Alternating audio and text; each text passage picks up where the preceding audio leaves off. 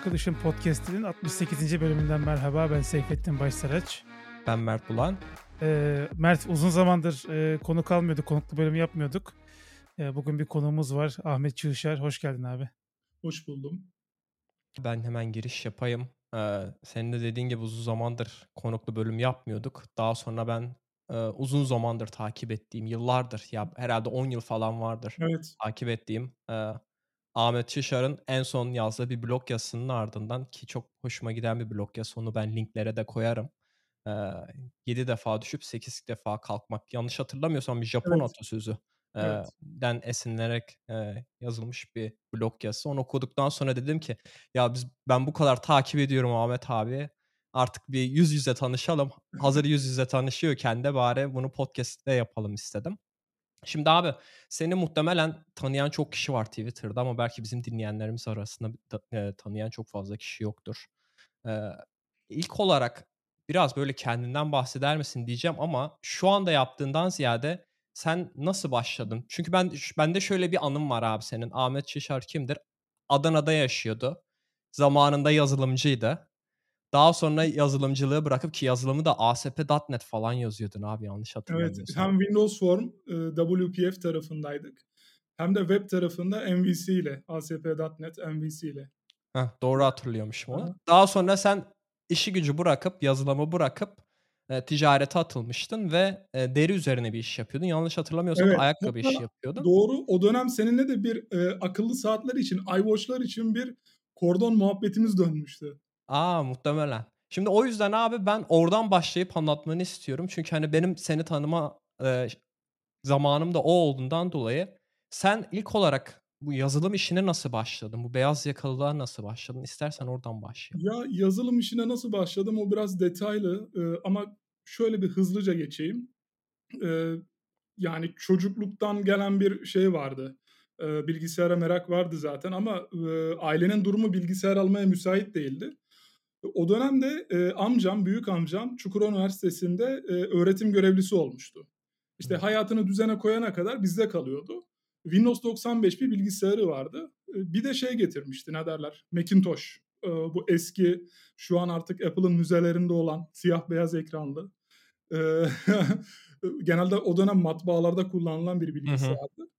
Ondan getirmişti. E, kurcalarken vesaire e, öyle biraz yol kat etmiştim. E, asıl olay şurada e, başlıyor. Ben liseye gittiğimde, e, liseye geçtiğimde diyeyim daha doğrusu. e, kendi paramla işte yazın çalışarak bir bilgisayar toplamıştık. Orada e, ilk link olayını şurada keşfetmiştim. Word'de e, köprü ekleme vardı. Hı. Köprü eklemeyi yapıp ardından HTML olarak kaydet dediğinde aa dedim bir dakika ya bu web sitesi falan oluyor. Orada bir şeyler değişmişti. Sonra e, kod tarafına e, geçme şey ise bir Need for Speed vardı. Belki e, bizim kuşak çok iyi bilir o bilgisayar oyunlarını. Onun yine e, sağ klik yapıp e, text editörle açıp ya oradan e, kilitli arabaları açmayı öğrenmiştim. Yani editleyerek o puan biriktirme şey. Hatta bir ini dosyasıydı. Onu hiç unutmam Windows'ta. O ini dosyalarını değiştirerek kilitli arabaları vesaire açıyorduk. E derken e, yaş biraz ilerlemeye başladı. Lise 2'ye geçtiğimde artık Joomla'yla tanışmıştım. Hı hı. E, Joomla'yla tanışınca WordPress'le de tanışmış oldum otomatik CMS sistemlerle. E, böyle bir webmasterlık muhabbeti başladı sonra. E, webmasterlıktan sonra tabii bu iş otomatik ilerliyor. Birçok yazılımcının büyük ihtimalle alaylı yazılımcının hikayesi hep böyledir, benzerdir. Hı E, hı. ben o yüzden çok uzatmak istemiyorum bu e, kısmı. Biraz da geçmişle bağımı kopardığım için biraz da silik anılar bunlar. Hı hı. ne derler? Belki birçok detayı da atlamış olabilirim. Velhasıl orayı bir hızlandırayım. E, ya lise ben eşit ağırlıktım. Türkçe, matematik. İstediğim bölümler de pek üniversitede yoktu. O yüzden pek bir üniversite hayalim olmadı. E, liseyi bitirdiğimde ben zaten webmaster olarak güzel paralar kazanıyordum o dönem. E, şirketlere iş yapıyordum vesaire. Bir yandan da yazılım tarafını geliştirmiştim. Kodlama Hı hı. tarafını. Maalesef o dönem ASP ile, o zaman .NET yoktu. Şimdiki aklım olsun PHP ile. O PHP ö- ö- ölecek diyen insanlara buradan bir selam göndereyim ölmedi. Ölecek gibi de görünmüyor. E, ya derken e, farklı yazılımcılarla tanıştım. Yazılım mimarlarıyla tanıştım. Ee, onlarla tanıştıktan sonra benim iş biraz daha level atladı. Dediler ki sen gel bir junior olarak başla. Biz kurumsal projeler yapıyoruz. Ee, hem devlete iş yapıyoruz. İşte hem büyük ismini vermeyeyim e, holdinglere iş yapıyoruz vesaire. Orada da e, beyaz yaka tarafı resmi olarak başladı diyeyim. Çünkü ilk sigorta kaydım o zaman yapılmıştı. 19 yaşındaydım. Hı hı. Bunlar Böyle başladı. Adana'da oluyor değil mi abi yanlış bilmiyorsam? E, Adana'da başladı. Sonra bir İstanbul'a sıçradı. E, İstanbul'a da çok güzel bir sıçramaydı o. E, ona da kısaca bahsedeyim. E, ben o juniorlıktan artık e, seniorluğa geçince çünkü e, tabii o dönem Microsoft teknolojileri de epey ilerlemişti. Yani e, özellikle WPF çıkmıştı. Windows Form tarafından, Windows Presentation Foundation. Çok güzel arayüze sahip uygulamalar yapabiliyorduk. Ardından MVC'yi çözünce ASP.NET MVC o MVC'nin mimarisini anlamak epey zordu. Hatta o dönem yazdığım bir yazı Microsoft'un topluluk sayfasında epey paylaşılmıştı. Yani meğer insanlar epey bir zorluk çekmiş o MVC'nin mimarisini anlamada. Ben bir fuar şirketine girdim o dönem. E, 21 yaşındaydım fuar şirketine girdiğimde IT bölümüne girdim. E, ve fuar organizasyon şirketiydi bu. Yani bildiğin o ticaret fuarları işte ihracat fuarları vesaire yapıyorlar. Ya orada aslında değinmem gereken bir şey var. Ben şimdi gençlere şunu da söylüyorum. Ya diyorum ki okey yazılımcı oldunuz ama hani yazılım sektörü dışında da farklı bir sektörde bu yazılımcılığı ilerletin. Çünkü ben fuar şirketine girdiğimde ticareti gördüm. Yani orada bir satış departmanı var, pazarlama departmanı var, muhasebe var.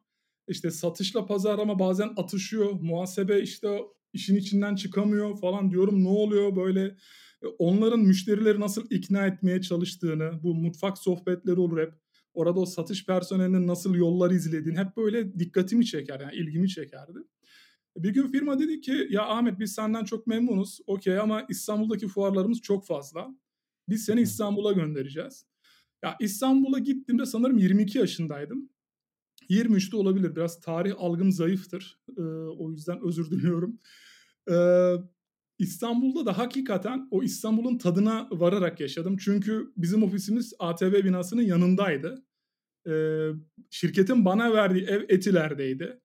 Ee, biz e, Reyna'da, Layla'da e, gala partileri veriyorduk. E, fuara katılan firmanın yöneticilerine vesaire. Yani hem iyi yerde kalıyordum ofis iyi yerdeydi. İstanbul'un nezih yerlerinde, e, çırağında iş yemeği veriyorduk vesaire. Yani birçok İstanbul'da yaşayan insanın aslında o tadına varamadığı İstanbul'u hakkıyla yaşadığımı düşünüyorum. Ama bir yerden sonra bu iş kopmaya başladı. O da nasıl oldu? Ya altımızda şirket aracı var. Okey Audi. Bir yere gidiyorsun işte 5 yıldızlı otellerde konaklıyorsun. İşte İzmir'de fuar var. Şimdi ben IT olarak orada benim görevim vardı. Ee, öncelikle biz fuar şirketlerinin o fuarın web sayfasını yaptığımızda bir online ticket sistemi oluşturuyorduk. İnsanlar oraya bilgilerini bırakıyor. Özellikle sektörel fuarlara sade vatandaş alınmaz örneğin. Hı hı. Ee, insan oradan formu dolduruyor. Fuar alanında hiç sıra beklemeden sadece telefon numarasını söyleyerek hemen biletini çıktı alabiliyor vesaire. Bu gibi şeyler vardı, otomasyonlar. Ee, bir de ilgilenmen gerekiyor çünkü hakim olmuyor oradaki kişiler. Bir yazılımcı desteğine ihtiyaç duyabiliyor sistemciler. Ee, ama şunu fark ettim. Yani okey Audi'ye biniyorsun, 5 yıldızlı otellerde konaklıyorsun, harika bir mahallede yaşıyorsun İstanbul'da. Ama bunu sana şirket sağlıyor. Yani e, o bağımlılık senin, var orada. Yani o senin kendi kazancınla elde ettiğin bir refah değil. Onu da şöyle fark ettim. Bir arkadaşımı işten çıkardılar e, yöneticiyle tartıştığı için kötü bir tartışma yaşadılar. Ya çocuk birden inanılmaz bir yokluğa düştü. Yani dedim ya niye böyle oluyor falan. Sonra onu fark ettim ya bir dakika yani bu şeyler hep şirketin bize sunduğu imkanlar. Ben Audi'ye biniyorum ama Audi alacak param yoktu o dönem. Ya da Point Hotel'de kalıyorum ama Continental'de falan kalıyorsun ama hani normal çalışan olarak git kalamazsın o otelde. Ya da Antalya'daki o 5 yıldızlı otellerde falan Rixos'ta kalıyorsun. E kalamazsın abi. Ya dedim ki bu iş nereye kadar gidecek? Yani şeyi yok. Bir de o dönem çok satış pazarlama kitapları okuyordum. E, maalesef e, Jobs'ın hayatını okumak da beni o dönem zehirlemiştir. E, benim için hala şeydir, manevi bir öğretmendir Steve Jobs. E, onun o yani Walter Isaacson'un kitabını okuduğumda da hani belki insanlar okuyup geçiştirip atıyor belki o kitabı ama ben o kitabı iki defa okudum ve her okumada farklı bir hayat dersi çıkardım. Birçok yazıda da aslında oradan alıntı kullanırım. Hı hı. Hatta o son yazdığım blog yazısında vardı da. en sonda. Aynen. o vardı. Ya e, burayı da çok uzatmak istemiyorum. E, çünkü benim biraz hayat hikayesi çok şey. Yani e, çok girift, çok fazla anı var, çok fazla detay var. E, hem izleyenleri de dinleyenleri de sıkmak istemem. Hı hı. Genelde insanlar sıkılmıyoruz abi devam et diyor ama ben yine önlemimi alayım abi çok uzatmayın. Yani şey dedim. Oradan abi ben şeyi soracağım zaten sen yavaş yavaş geliyorsun gibi. Beyaz yakalılıktan ticarete doğru bir geçiş süreci Aynen var. oraya geleyim. Ee, ben ya şöyle bir şey e, hani söylemek istemem ama benim e, biz o dönem bir teknoloji fuarı yaptık. E, hatta adını vermeyeyim de yine Türkiye'nin çok büyük bir fuar şirketiyle ortaklaşa yurt dışından çok sayıda e, bilişim sektörü çalışanı geldi. Yazılımcılar geldi vesaire. Tasarımcılar geldi. Abi oradaki yazılımcılara baktığımda çok böyle şey değillerdi. Nerd değiller. Yani hmm. e, ne bileyim skateboard yapıyorlar, bisiklet sürüyorlar, işte ağırlık çalışıyorlar, hobileri var vesaire. Abi bizimkiler adam 28 yaşında yani obeziteden gidecek herif. tamam o dönem ben de örneğim bu arada. Ben de aşırı nördüm inanılmaz saçma bir hayatım. Ya diyorum bir dakika abi bunlar yazılımcı değildir yani bu tasarımcı değildir. Ee, özellikle tasarımcılara çok böyle ne derler e, hayranlık duymuştum. Yani hala da öyledir. E, tasarımcıların çok renkli bir dünyası var. E, böyle yazılımcılar gibi çok düz e, hayata bakmıyorlar. Bu yüzden de belki e, biraz daha geç yaşlanıyorlar diye düşünüyorum. Ee, ya şöyle oldu. Hem ticarete atılmayı istiyordum çünkü çok para kazanmak istiyordum ve maaşla olmuyordu. Niye maaşlı olmuyor? O dönem iki kardeşim üniversiteye başladı. Benim iki kız kardeşim var. Bir kız bir erkek. E şimdi derslerinde başarılılar. Bir tanesi tıp fakültesine gitti. E bir tanesi eczacılığa gitti. E yani şimdi baba emekli memur. E anne ev hanımı terzi ama eşe dosta dikiş yapıyor. Öyle bir terzi, bir dükkanı falan yok. Para kazanmıyor. Ya dedim ki bu iş olmayacak. Ben de aileme yardım ediyorum falan ama o maaşın e, kaldırabileceği bir şey değil. Ben o dönemde mesela bir doktordan çok kazanıyordum. Şimdi çok muhabbeti dönüyor da işte yazılımcılar doktordan çok kazanıyor falan. E, ben o dönemde doktordan çok kazanıyordum ama olay maaştı. Yani eline bir maaş geçtiği zaman o statik bir kazanç ya olmuyor. Çünkü hayatın masrafları genişleyerek artıyor. Fakat senin gelirin o, kadar hızlı artmıyor. E dedim ki ne olacaksa olacak ben bu işi bırakıyorum. E, o dönemde beyaz yakalı e, durumdan maalesef kavgalı bir ayrılmam vardı. E, yazılım ekibindeki arkadaşlar dedik ben dedim bu işi bırakıyorum. Ya dediler hayırdır yani şaka mı yapıyorsun neyi bırakıyorsun iş yerini mi bırakıyorsun istifa mı ediyorsun? Hayır dedim ben mesleği bırakıyorum. Ya dediler manyak mısın sen bu kadar yıl emek verdin bu işe vesaire. Ya dedim yani bu olmayacak. E, niye olmuyor dediler. Dedim ki ya ben sizin gibi olmak istemiyorum. Orada baya bir kıyamet kopmuştu. Yani ben şuna uyuz olmuştum. Ee, çok genelleme yapmak istemiyorum ama sosyal zekaları inanılmaz bir zayıf bir durum var. Ee, yani abi espri yapıyor yazılım esprisi. Yani etkinliğe gidiyor yazılım etkinliği. Yani biriyle konuşacak yazılım konuşuyor. İşte ne bileyim diyor ki e, yatağımdan diyor klavye çıktı. Ha ha ha. ha ne güzel yani çok kötü bir hayatım var. Üzülmen lazım buna. E, bilmiyorum bu beni çok irite etmeye başladı. Bir de o dönem e, e, fuar şirketinde bu ticari şeyleri görünce çok hoşuma gidiyordu. İşte şirket yetkilileri geliyor. E, onunla satış ekibiyle konuşuyorlar vesaire. O girişimci muhabbetini duymaya başladığımda çok hoşuma gitti. O satış ekibinin insanlarla muhabbeti, işte iş gezileri vesaire. Ya dedim ki bir dakika ben belki hani insanlarla daha içli dışlı olmam gerekiyor. Yani daha böyle e, hayatın içinde olmam gerekiyor. Dışarıda güneş var, muhteşem bir hava var. Ben ofisteyim abi ekrana bakıyorum. Yani dedim bunu istemiyorum yani. E, o dönemde çok ciddi bir e, tükenmişlik sendromu yaşamıştım. E, ona da kısaca bahsedeyim. Belki Microsoft tarafında olmasaydım bunu yaşamazdım. Yani çok özür dilerim. Belki burayı silebilirsiniz. Microsoft dava açmasın şey ama Açsın ben abi. savunabilirim. Hiç sıkıntı değil. Ya inanılmaz e, bir sıkıntılı bir geliştirme ortamı var. E, Bunu belki şu an farklıdır bilmiyorum. Abi kravat çekip gelen bir enterprise tip var bunlarda. Yani beyaz gömlek, kravat İstanbul'da da böyleydi. Bir enterprise. Abi o açık kaynak tarafına bakıyorum. Adam short tişört ofise gidiyor. Yani PHP'cilere bakıyorum vesaire. Short tişört bunların çalıştığı şeyler böyle. Bizim mesela ofis hep Microsoft teknolojileri kullandığı için bizde o tip şeyler yoktu. Ama İstanbul'da bakıyorum. Tanışıyorsun insanlarla işte etkinliklerde vesaire. Ya da ofislerine uğruyorsun. Arkadaş oluyorsun bu insanlarla. Abi adam short, sandalet, tişört. Ya dedim ne güzel bir yazılım dünyası yani keşke bizimkiler de böyle olsa. Yok. Ee, o da şuradan kaynaklı aslında. Hani Microsoft genelde e, büyük finans kuruluşlarını vesaire e, genelde böyle enterprise tarafta olduğu için e, orada bir kurumsal muhabbeti dönüyor. Yani o dönem daha fazlaydı. Kurumsal işte şirketiz biz kravat takacaksın muhabbeti vardı. Şimdi yoktur büyük ihtimalle bu da. Ee, bir de çok kısa bir şeye de bahsedeyim. Ben şimdi gençleri sorduğuna diyorum ki yani e, özgür yazılım tarafına gidin abi diyorum. Ne seçiyorsanız seçin ama özgür yazılım tarafında olun ya da Apple tarafına yönelin. Çünkü Microsoft o dönem bir ürün çıkartıyor. Okey öğreniyorsun onu. Süper makale yazıyorsun. Sonra diyor ki biz vazgeçtik bunu geliştirmekten. E, abi tamam da ben niye öğrendim ki o zaman bunu? Sonra başka bir e, şey var. Diyor ki sonra ben vazgeçtim bunu geliştirmekten. Okey. En son bir Silverlight çıkarmıştı. Ya biz Silverlight'te inanılmaz projeler geliştirdik. Dedi ki biz Silverlight'tan vazgeçtik. Dedim ki bana müsaade. Yani ben dedim artık kod da yazmıyorum. Ekranda görmek istemiyorum.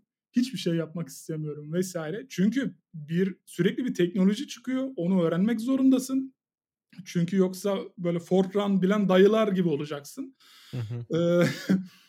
Bu da artık yormuştu beni. Üstüne bizim işler çok e, stres olmaya başlamıştı. Günde 12-13 saat çalışmaya başlamıştık. Şu proje yetişsin, o yetişsin, fuar yaklaşıyor böyle olsun.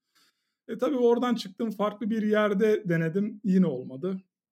Dedim ki bana müsaade.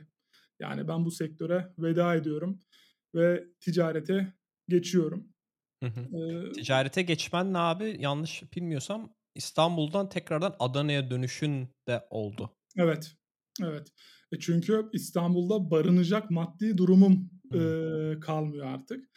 Ve diğer yazı ya bir de şundan da yorulmuştum Mert. Yani e, abi bir birkaç yerde dedim hani deneyim yine yazılımcı olarak. Tabii o zaman o veda yazısını yazmamıştım. Bir e, yazılıma veda yazısı yazmıştım. O dönemde bu işin ne kadar doğru bir tercih olduğunu anlamıştım. Çünkü inanılmaz hakaret ve küfür duymuştum yani yazılımcılardan. İnsan biraz destek verir. O, o dönem çok ilginç. Google'da, Microsoft'ta çalışanlardan böyle destek geliyor abi. Adı gizli, ne olduğu belirsiz insanlardan hakaret geliyor. Yani o, o da ilginç bir durumdu. Hani e, top level'daki insanların ya bizimki de pek farklı değil Ahmet çok düşünme hani bizde çok kafamız dağılıyor. Bizde e, burnout oluyoruz. Destekleri geliyordu ama alttaki e, altta derken teknik olarak alttaki Hı hı. yani junior adam sana öfkelenebiliyor. Yani sen de kendine yazılımcı mı diyorsun falan. Öyle- Ee, bunu en son sevgili Fatih bunu dinliyorsa Fatih Kadir Akın'a da dediklerinden sonra dedim ki yani demek bu, bu ritüel. Fatih ona da öyle o sen. yazmıştı. Sen kendini işte yazılımcı mı sanıyorsun? Dedim demek ki bu herkese söylenebiliyor. Sıkıntı yok. Ee, Adana'ya döndüm. Ee, Adana'ya döndüm ama çok yıkılmış bir psikolojiyle döndüm. Yani çünkü zaten bir burnout olmuştum. Ee, bir de o dönem yani inanılmaz kendi sektöründeki insanların o ağza alınmayacak ya nasıl mailler geliyor. Yani şu an dava açsan kazanırsın öyle mailler. Ya bir de sen niye bu kadar kişisel algılıyorsun abi bu bir meslek yani. Ee, yapar yapmaz adam yani bir öğretmen istifa ettiğinde hakaret mi yiyor? Yani böyle bir saçma sapan bir ortam. Ee, Adana'ya döndüm e, ailemin yanına E, dedim ki böyle böyle bir durum var ben yeni bir yola girdim. E, tabii aile şok. Ya e, orada şunu fark ettim. E, şimdi bunu birçok insan yaşıyor. Bu arada e, bana gelen o yazıdan sonra gelen maillerde de bunu fark ettim. E, yani aileler tabii şunu diyor. İşte sen yapamazsına getiriyorlar. Ya oğlum işte ticaret e, çekirdekten yetişmen lazım. İşte bizde kimse yok ticaretten anlayan. Sen yaşın oldu işte 28-29 o dönem. Sen bu yaştan sonra nasıl ticaret yapacaksın vesaire.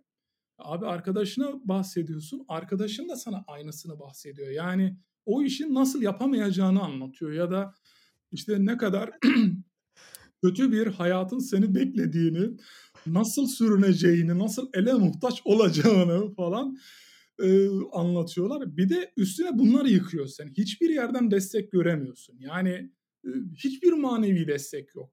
Ya ailene bakıyorsun ama o da şey değil. Ben şimdi e, gençlere şunu diyorum. Aileler burada kötü değil. E, ben aile bağları çok güçlü bir insanım. E, benim babam e, köyden gelme bir adam ama aşırı o da aşırı bir yoksulluktan gelme bir adam ve ailenin ilk memur olmuş, üniversiteyi bitirmiş. E, çocuğu ve diğer kardeşlerini üniversitede okuturken onlara yardım eden birisi. Dolayısıyla inanılmaz bir zorluk yaşıyoruz o dönem yine hem maddi manevi. E, adamın çıkış yolu bu. Yani adam o yoksul hayattan e, üniversiteyi bitirip memur olarak çıkmış. Dolayısıyla tek bildiği yol bu. Çocuğunun da e, sürünmesini istemiyor. Yani kötü bir hayat yaşamasını istemiyor. Diyor ki oğlum yani bu böyle bir kurtuluş yolu. Çünkü adam diğerini bilmiyor. Bilse zaten mevcut hayatı yaşamayacağız. Şimdi bazen böyle mailler falan geliyor. İşte abi ailem karşı çıkıyor, ailem destek olmuyor. Ya aile destek olmuyor değil. Ee, korkuyor, senden endişe ediyor bu kadar. Yani şunun için dedim bu detaya. İnsanlar çok fazla ailesini suçluyor. Burada aile suçlanacak bir şey değil. Ee, onlar bildiği en iyi şeyi tavsiye ediyor. Yani senin kötü bir hayat yaşamanı istemiyorlar ve kendilerince buldukları o çıkış yolunu sana öneriyorlar. ee, tabii ne yapacağımı bilmiyorum o dönem. Ee, dedim ki hobim olan deriye meraklıydım zaten. Bir şeyler alayım. Ee, kalan parayla. O dönemde bir de kredi çektim işten ayrılmadan. Ee, dedim ki bu para bana 6 ay 1 yıl yeter abi. Ee, öyle olmuyormuş. Hazıra daha dayanmaz muhabbetini orada yaşayarak öğrendim. Ee, deri malzemeleri falan aldım ve deri eskiden çok pahalıydı. Şimdi daha da pahalı. Deri malzemelerini bir aldım benim 3 aylık para kaldı. yani ortada bir malzeme de yok. Ha, temel malzemeler vesaire. Öğrenmeye çalışıyorum. Abi o deriyi kesmesi bir zor. Yani o kalıpları çıkarması bir zor. Bir kesiyorsun kayıyor. O koca tabaka boşa gidiyor. Ee, tabii sonra öğrendim birkaç şey e, böyle ne derler çöp ederek. E, kameralara askı falan yapmaya başladım. E, deriden askılar vesaire. O dönem Etsy'ye girdim. E, Etsy'ye girdim. Güzel 3-5 satış oluyordu. E, harçlık çıkartıyordu ama böyle seri ürün lazım. E, bir de şey vardır. E, akıllı saat kordonu falan üretmiştik birkaç defa. Kalıp vesaire. Dedim ki bu iş yürür. Yani e, güzel olacak gibi. Sonra baktım meğer şey lazım.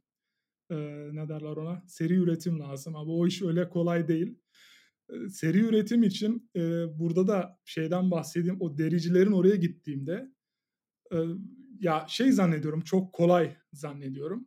İşte o Jobs'ın kitabındaki o bilmemenin verdiği güzellik. işte insanı biraz da başarıya götüren şey o.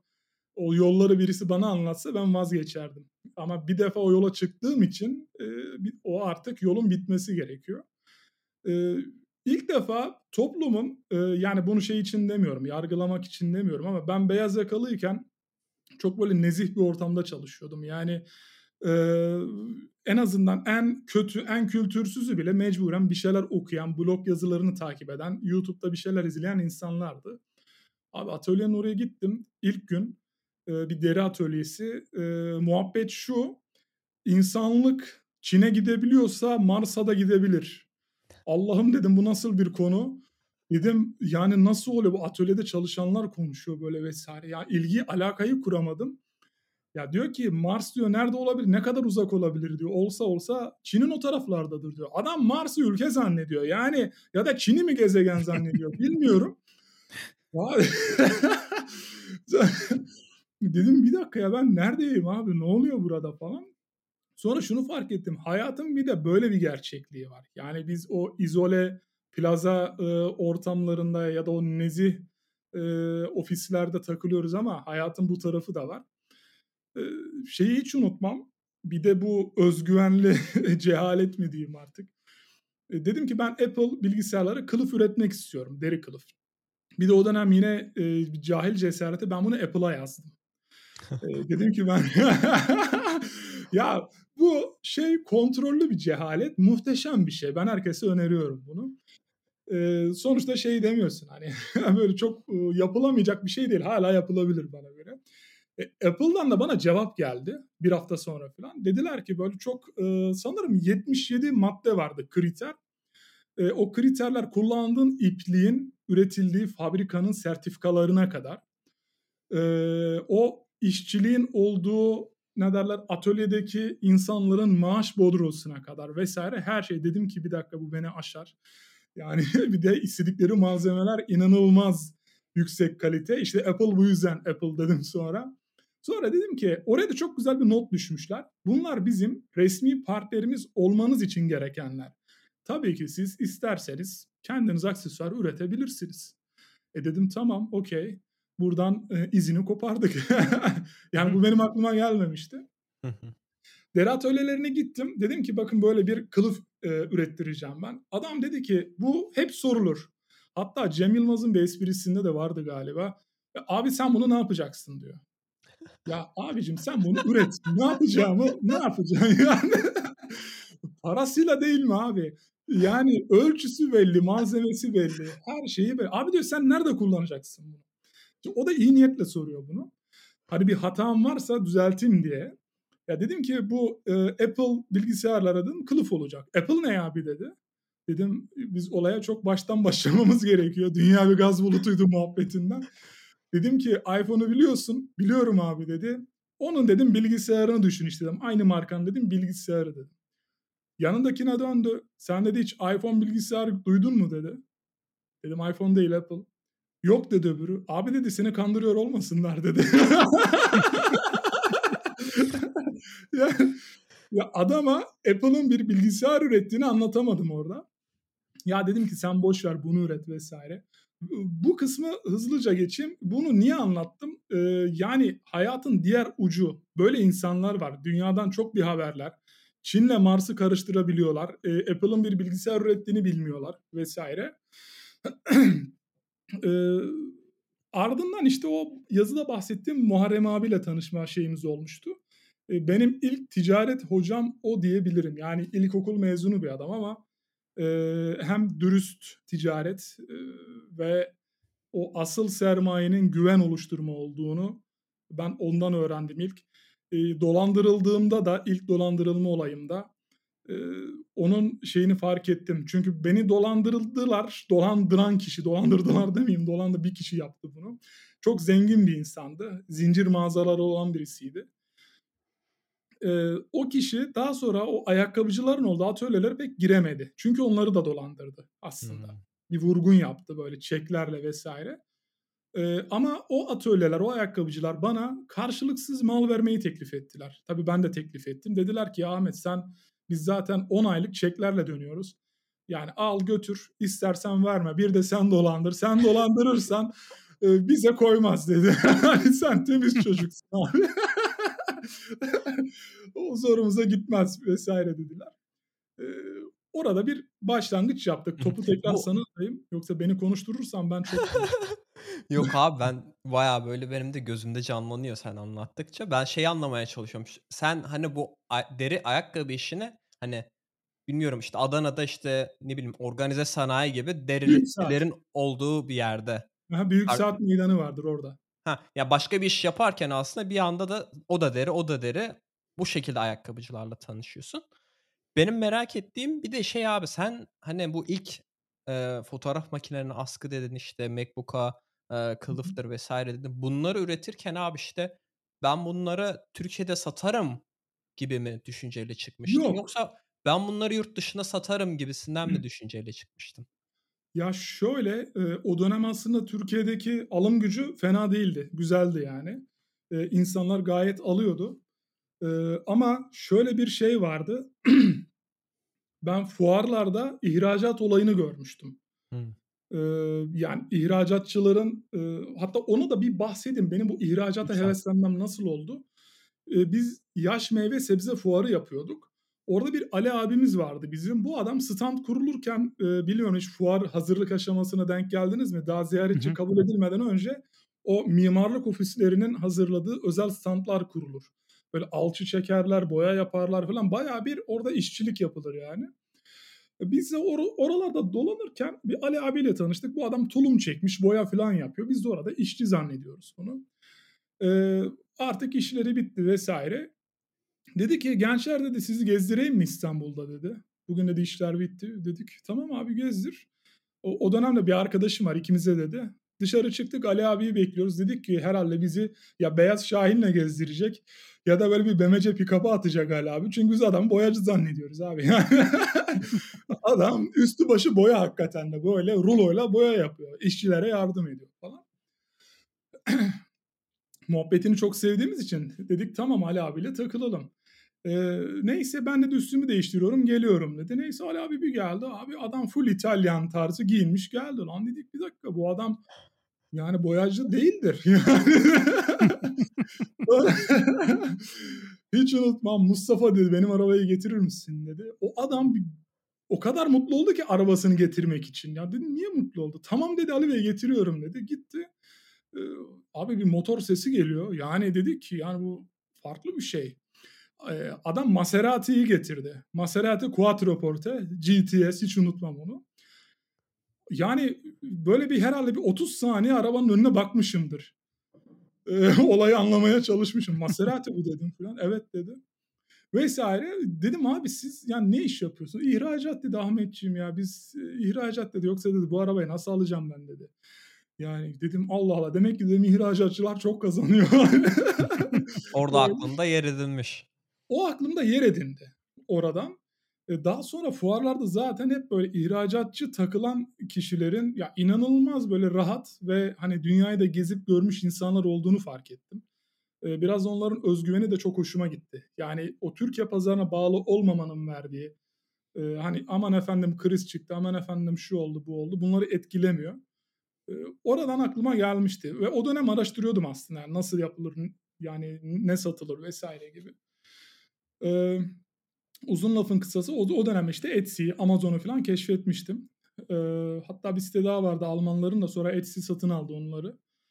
Ee, hatırlayamadım şu an. Hı hı. O dönem işte Etsy'ye güvendim. Dedim 3-5 bir şeyler satırım. Hatta ben dükkan açmadan önce de elinde ürün olan, ahşap ürünler olan vesaire insanlara bunu önerebiliyordum. Yani girin vesaire gibi. E onlar da abi girip 3-5 satış yapıyordu. Hoşlarına gidiyordu. Ya Ahmet biz sattık ha harbiden falan gibi. Olay öyle başladı. Aslında yurt dışına ihracat yani bu olacaksa e, ihracat kafasıyla olacak diyerek başladı. Ama olay ayakkabıya döndüğünde e, tabii önce Türkiye içine satman gerekiyor. Çünkü çok hakim değilsin regülasyonlara.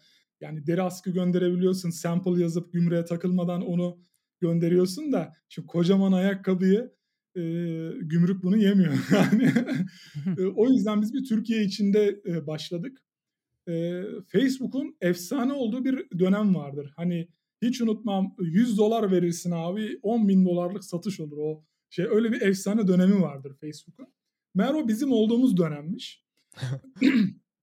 işte ben o e, blog yazısında bahsettiğim gibi e, Muharrem abiden ayakkabıları falan aldığımda e, açık kaynak PrestaShop e, onun da reklamını yapayım çünkü ücretsiz.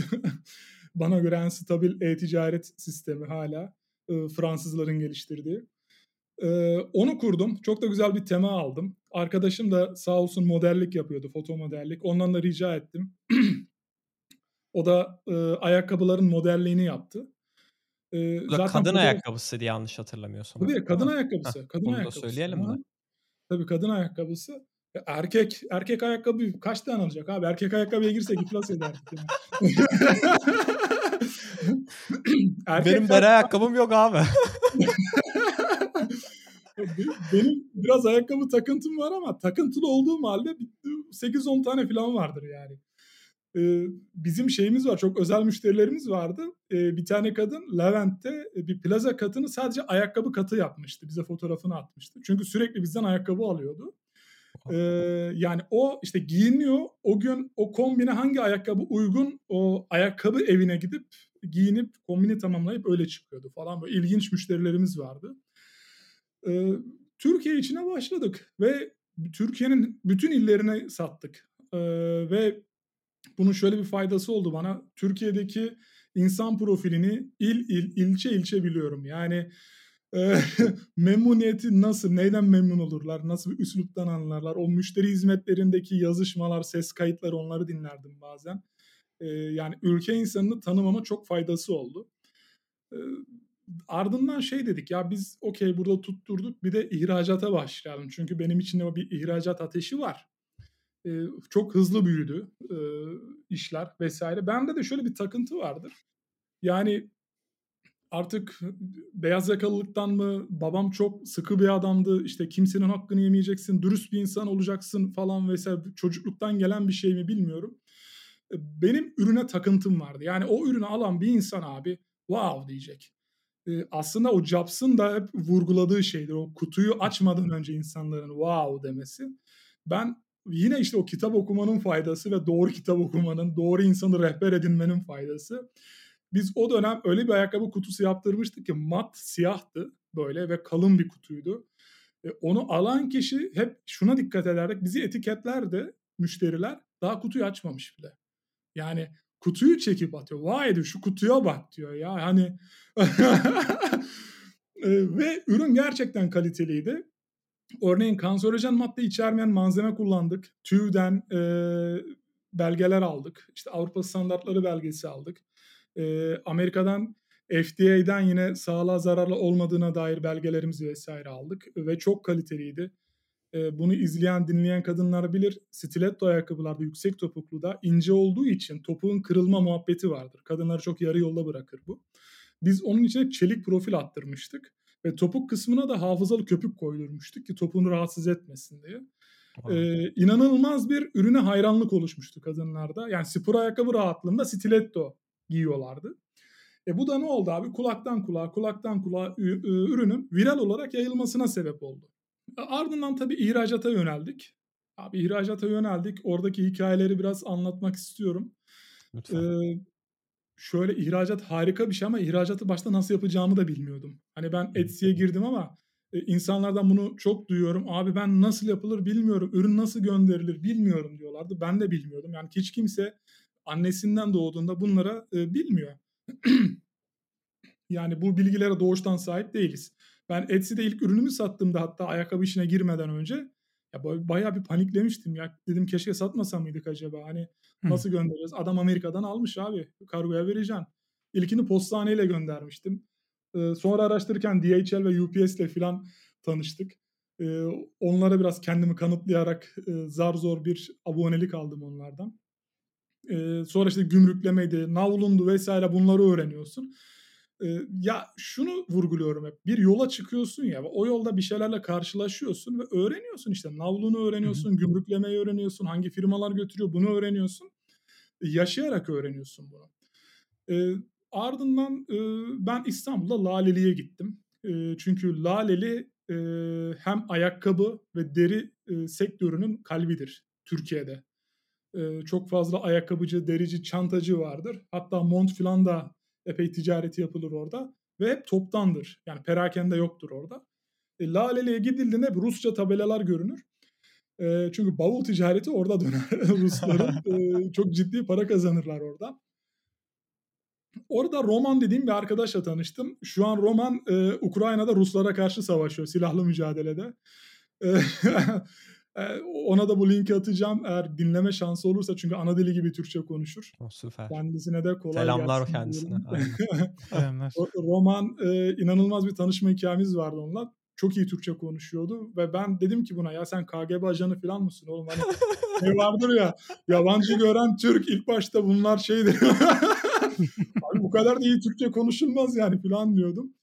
Yok ya ekmeğimizdeyiz biz falan derdi. Bak diyorum bak böyle bir cümle kuruyorsun. Ekmeğimizdeyiz ya Rus der mi abi? falan. o çok güzel bir şeyi vardı. Tedarik zinciri vardı. Yani şimdi açık açık söyleyeyim. Rusya'ya girmek istediğinizde e, biz onu denedik.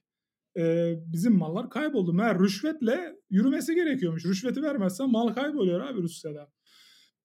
Bir de ilgili yerlerdeki mafyalara da e, para yedirmen gerekiyor. Çok büyük ticaret yapıyorsan. Ha, küçük de uğraşmıyorlar seninle hani. Çok umurlarında değil. Ama bir şekilde kayboluyor abi. O da ya da e, malı alan kişi işte ekstra bir şeyler istiyor. Meğer o mafyaya verirmiş para. Adam mafyaya verdiği parayı benden istiyor. E, Roman dedi ki bak böyle böyle bir durum var. Ukrayna daha beter bir durumda dedi. Ukrayna'da yani rüşvet daha çok uçar. Benim dedi tedarik zincirim var. Ben herkesi doyuruyorum. Rüşvet müşvet sen bunlarla uğraşma. Sen malı bana ver. Ya dedim ki okey pazar çok büyük dedi. Biz bunlara dedim ya ben yokum abi böyle rüşvet falan. Bana ne dedim yani. Ya dedi sen boş ver bunları. Yani bu, bu iş bende. Okey. Roman bizden malı alıyordu. Direkt Ukrayna'ya, Rusya'ya satıyordu. Çok güzel bir ticaretimiz başlamıştı. Abi bir gün dedi ki ama hakikaten şöyle bir şey var Mert. Abi veriyorsun malı para yatıyor. Veriyorsun malı para yatıyor. Böyle bir ilginç bir pazar var. Yani e, şimdi Rus kadınları da çok seviyor ayakkabıyı. Ve çok yüklü. Yani mal yetiştiremiyoruz Rusya pazarına, Ukrayna pazarına. Wow. Ve çok da güzel ticaret dönüyor. O sistemi tam kurduk. Roman dedi ki ya Ahmet dedi yani bir yıldır da böyle çalışıyoruz abi. Yani biz senden memnunuz, sen bizden memnunsun. Ee, çok yüklü bir talep var. Bunu karşılarsak dedi sen de ben de level atlarız dedi. İyi dedim okey güzel. Kapasitenin böyle bir 11 katına çıktık. 22 konteyner İzmir limanından ee, şeye çıkacak. Rusya'nın Kaç ayakkabı oluyor abi? 22 konteyner. Ya onu şu an hiç hatırlamıyorum ama o dönemin çok. yani çok ayakkabı milyon doları hmm. birkaç milyon dolar diyeyim. Çünkü bir de üst seviye ayakkabılar bunlar. ee, tabii o dönem dolar böyle yüksekte değil. birkaç milyon dolar deyince millet şey der. Of paraya bak falan. O dönem bu kadar yüksek değildi dolar. Ee, abi tam Rostov limanına indi. Benim arkadaş fotoğraf attı. Ee, Aykut. O, da hala çok samimi bir arkadaşımdır. Tayland'da da yine birlikte takılırız onunla da. O, onun işi ayrıdır ama e, çok sıkı bir arkadaşlığımız vardır. Abi bir tane uçak yanarak düşüyor. Ya dedim manyak mı bu niye bana gönderdi? Hani bunu abi işimiz gücümüz var. İnternette komik video izleyecek zaman mı yani? Dedi ki oğlum manyak mısın bir cevap ver dedi. Ne oluyor dedim beni aradı. Ya dedi gördün mü olanları? Yok dedim. Ya bizimkiler dedi Rus uçağını vurmuş dedi. Ya diyorum abi bizimkiler kim yani? Biz şeyiz yani bizimkiler kim abi? Ya diyor bizim ordu vurmuş işte diyor. Türk Hava Kuvvetleri diyor. Ya yok abi diyor niye vursun biz Rusla aramız çok iyi yani falan böyle. Ya bilmiyorum işte dedi vurmuşlar dedi. Oğlum dedi bu Putin var ya dedi bize dedi fena yapacak dedi. Tabi orayı sansürledim siz anladınız orada arkadaşın ne demek istediğini. Putin'in aslında bizi ne yapacağını. Ee, dedim ya bir şey olmaz abi ticaret bu yani. Yok abi öyle olmadı. Meğer Rusya tarafında bu işler farklı dönüyormuş. Hukuk bürolarıyla görüşüyorsun. Ya işte şey diyor ya Türkiye'den utanmıyor musunuz bizi aramaya falan. Ee, işte Rostov limanını arıyorsun o gümrük şeyini vesaire yok abi hiçbir şekilde. Ee, Roman o dönem işte e, dedi ki kimin malını el koyuyorlar hayırdır işte ben Rusya'ya giderim o parayla rüşveti biraz fazla veririm ama benim malımı kurtarırım çünkü onun da şeyi malı yani aynı zamanda. Abi adam gitti adamdan haber yok yani. Roman kayıp. Roman'ın ailesi bana ulaştı. Dedi ki ya haberin var mı biz ulaşamıyoruz falan. Dedim yok bilmiyorum. 3 ay sonra Roman tabii beni aradı. Aradan 3 ay geçti. O dönemde Türkiye ile Rusya'nın arası düzeldi vesaire. Ee, dedim Roman sen neredesin abi? İşte anlattı. İşte bu gidiyor. Diyor ki bizim burada mallarımız var Türkiye'den gelen. İşte bunu çözelim. Yani neyse bedeli falan. Vay sen Türklerle işbirliği yapıyorsun. Bunu hop içeri atıyorlar. o da iyiymiş. Hatta bu Rusya Ukrayna'ya saldırdığında Roman şey demişti. Bir fotoğraf göndermişti bana. Yani savaş umurumda değil. Onlardan almam gereken bir hırsım var. Roman aslında bireysel bir hırsı yüzünden orada malları getirecek abi kafaya koymuş. Böyle bir şey vardı. Dedik ne oldu? Sonra e, bize bir video attılar. O gümrükten bir yetkiliye ulaştık diyeyim. E, gümrük müşavirinden Rostov'dan. Abi bizim malların hepsini imhaya gönderiyorlar. E, ve imhanın videosunu attılar bize. Ya dedik ki bari bir fakire fukaraya verseydiniz abi ne imha ediyorsunuz yani ayakkabıyı. E, malum parayı alamadık. E, ödemeyi alamadık. Roman da alamadı. Ben de alamadım. Çünkü O dönem bizim bankada bloke bekleyen para vardı. Bankada o parayı e, Rusya'daki firmaya geri iade etti o çalkantılı dönemde. E, böyle bir gümbürtüye gittik. E şimdi sigortaya bakıyorsun. Sigorta diyor ki gemi senden almış limandan limana götürmüş abi. Yani bir, bir sıkıntı yok. Yani sözleşmede bir olay yok. Yani böyle bir kriter yok ya. Yani karşı ülkenin uçağını düşüreceksin de savaşın eşiğine geleceksin. Böyle bir ticari risk yönetimi yok yani. Hı hı. E, velhasıl öyle bir battık. E, ama o batıştan sonra bende şey vardı. Ya dedim ki biz bu işi öğrendik artık yaparız. Yani hı. E, mazeret yok. Mazeret e, sevmiyorum. Hala sevmem. Ya bir yolunu buluruz dedim ya. Yani bir şeyler yaparız. Bankada birikmiş paralar vardı. E, şirketin e, sermayesi, öz sermayesi vesaire. Ya, bekleyen yedekler vardı. Portföy firmasına verdiğimiz işletilen e, net karlarımız vardı. Onların hepsini çektik. Atölyelere borcumuzu ödedik. E, hatta şunu da bahsedeyim yine ticarette dürüstlüğün uzun vadede nasıl getirdiğini. Bana şunu dediler Ahmet sen hatta muhasebecim dedi. Sen dedi bu insanlara ödemeyi yapma atölyelere. Bu parayı iflas başvurusunda bulun. Bu parayı da al. Başka yere git. Hayatını yaşa. Zaten iyi bir para. Yani bu seni kurtarır. Ya şimdi bakıyorsun atölyeye abi adam 10 kişi çalıştırıyor 15 kişi. Ben o adam o parayı vermesem o adam batar. Çünkü biz o kadar yüklü mal aldık. Ve o adam o işi kaybedecek. O adamın ailesi mağdur olacak. Orada çalışan insanlar mağdur olacak.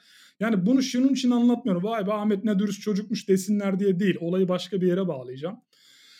Ee, biz ödedik hepsini. Ee, ve insanlar şaşırdı işin aslında atölye. Çünkü duyulmuş İzmir'deki e, Işık Kent. Türkiye'nin en büyük ayakkabı merkezlerinden birisidir.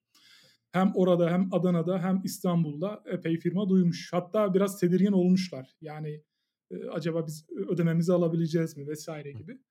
Hepsinin ödemesini yaptık. Ham madde firmasına da ödedik vesaire.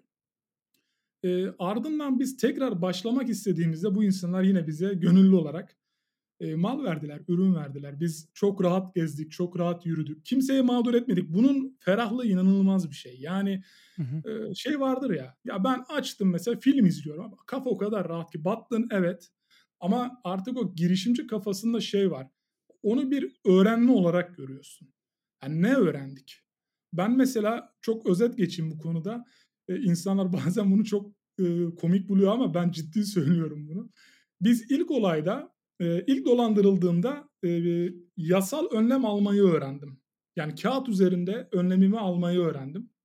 Ve hiçbir şeyi şansa bırakmamayı öğrendim. İkinci olayda e, ana ihracat pazarımın bir veya iki ülke olmaması gerektiğini, birden fazla ülkeye açılmam gerektiğini öğrendim. Ardından zaten diğer işe giriştiğimizde, tekrar ayağa kalktığımızda biz 54 ülkeye ulaşmıştık. Malum o zaman da yine o blog yazısında bahsettiğim gibi 15 Temmuz muhabbeti döndü. Hatta orada da çok ilginç bir şey.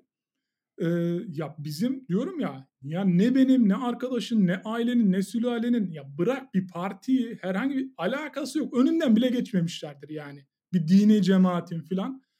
Ee, hani babam dindar bir adamdır ama mesela kendi halinde dindar bir adamdır. Ve hiçbir şeyle alakası yoktur. Ee, şu olsaydı şuna da vardım ya işte kardeşim biz de bulaştık muhabbeti olsaydı yine e, canım sıkılmazdı. o dönem ya diyorum ki arkadaş ben e, siyasi partide isim vermeyeyim e, şeyden değil de bu konulara girmek istemediğim için ben bu partinin fanı değilim. Seçmeni değilim. Okey. Ben bu cemaatin adamı da değilim. Sülalem de değil. Okey. İyi de ben niye zarar görüyorum? Yani bu şeyden. Çünkü atölyeler kaçtı abi.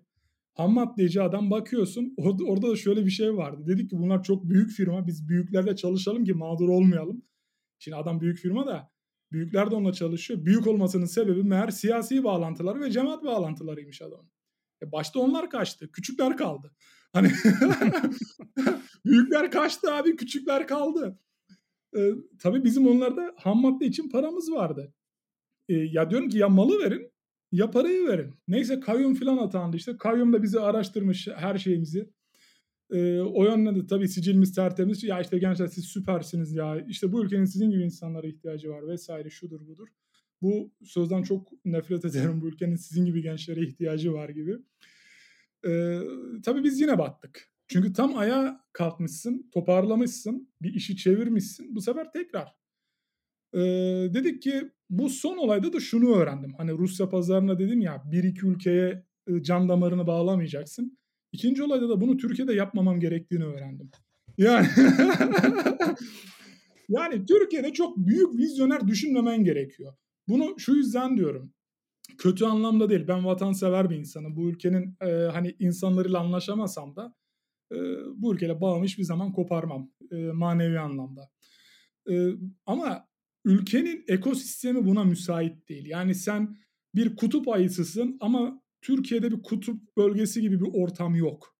Dolayısıyla burada ısrar etmenin bir anlamı yok. Ya adapte olacaksın ya öleceksin abi. Yani e, tutup da bir Afrika'daki bir aslanı, sırtlanı buraya getirdiğinde nasıl yaşayamayacaksa doğal e, ortamdan dolayı burada yaşayamıyorsun abi. Yani e, arkanda bir siyasi destek yoksa, bir e, ekstra başka bir destek yoksa e, bunu şey için demiyorum, e, iktidar için demiyorum. Yani herhangi bir şey. Çünkü ben onu da gördüm.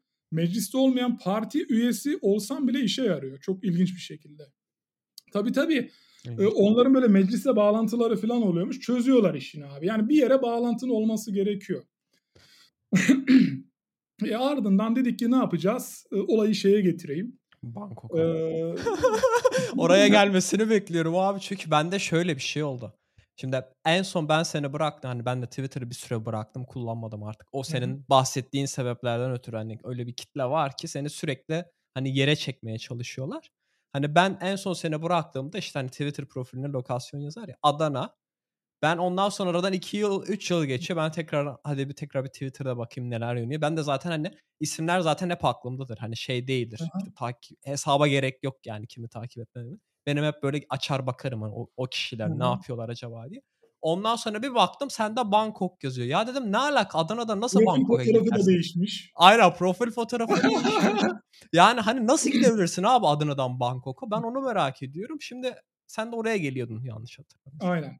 Bu arada arada çok uzattığım yerler olursa arkadaşlar kesin. Hiç sıkıntı değil abi. Bizde yani iki buçuk üç saatlik bölümlerimiz de var. Seninki de muhtemelen öyle bir şey olacak. Genelde insanlar seviyor bu hikayeyi. Ee, evet. Büyük ihtimal sevebilirler diye düşünüyorum. Arada çok sıkılırsanız lütfen girin araya. Ben alınmam böyle şeylerden.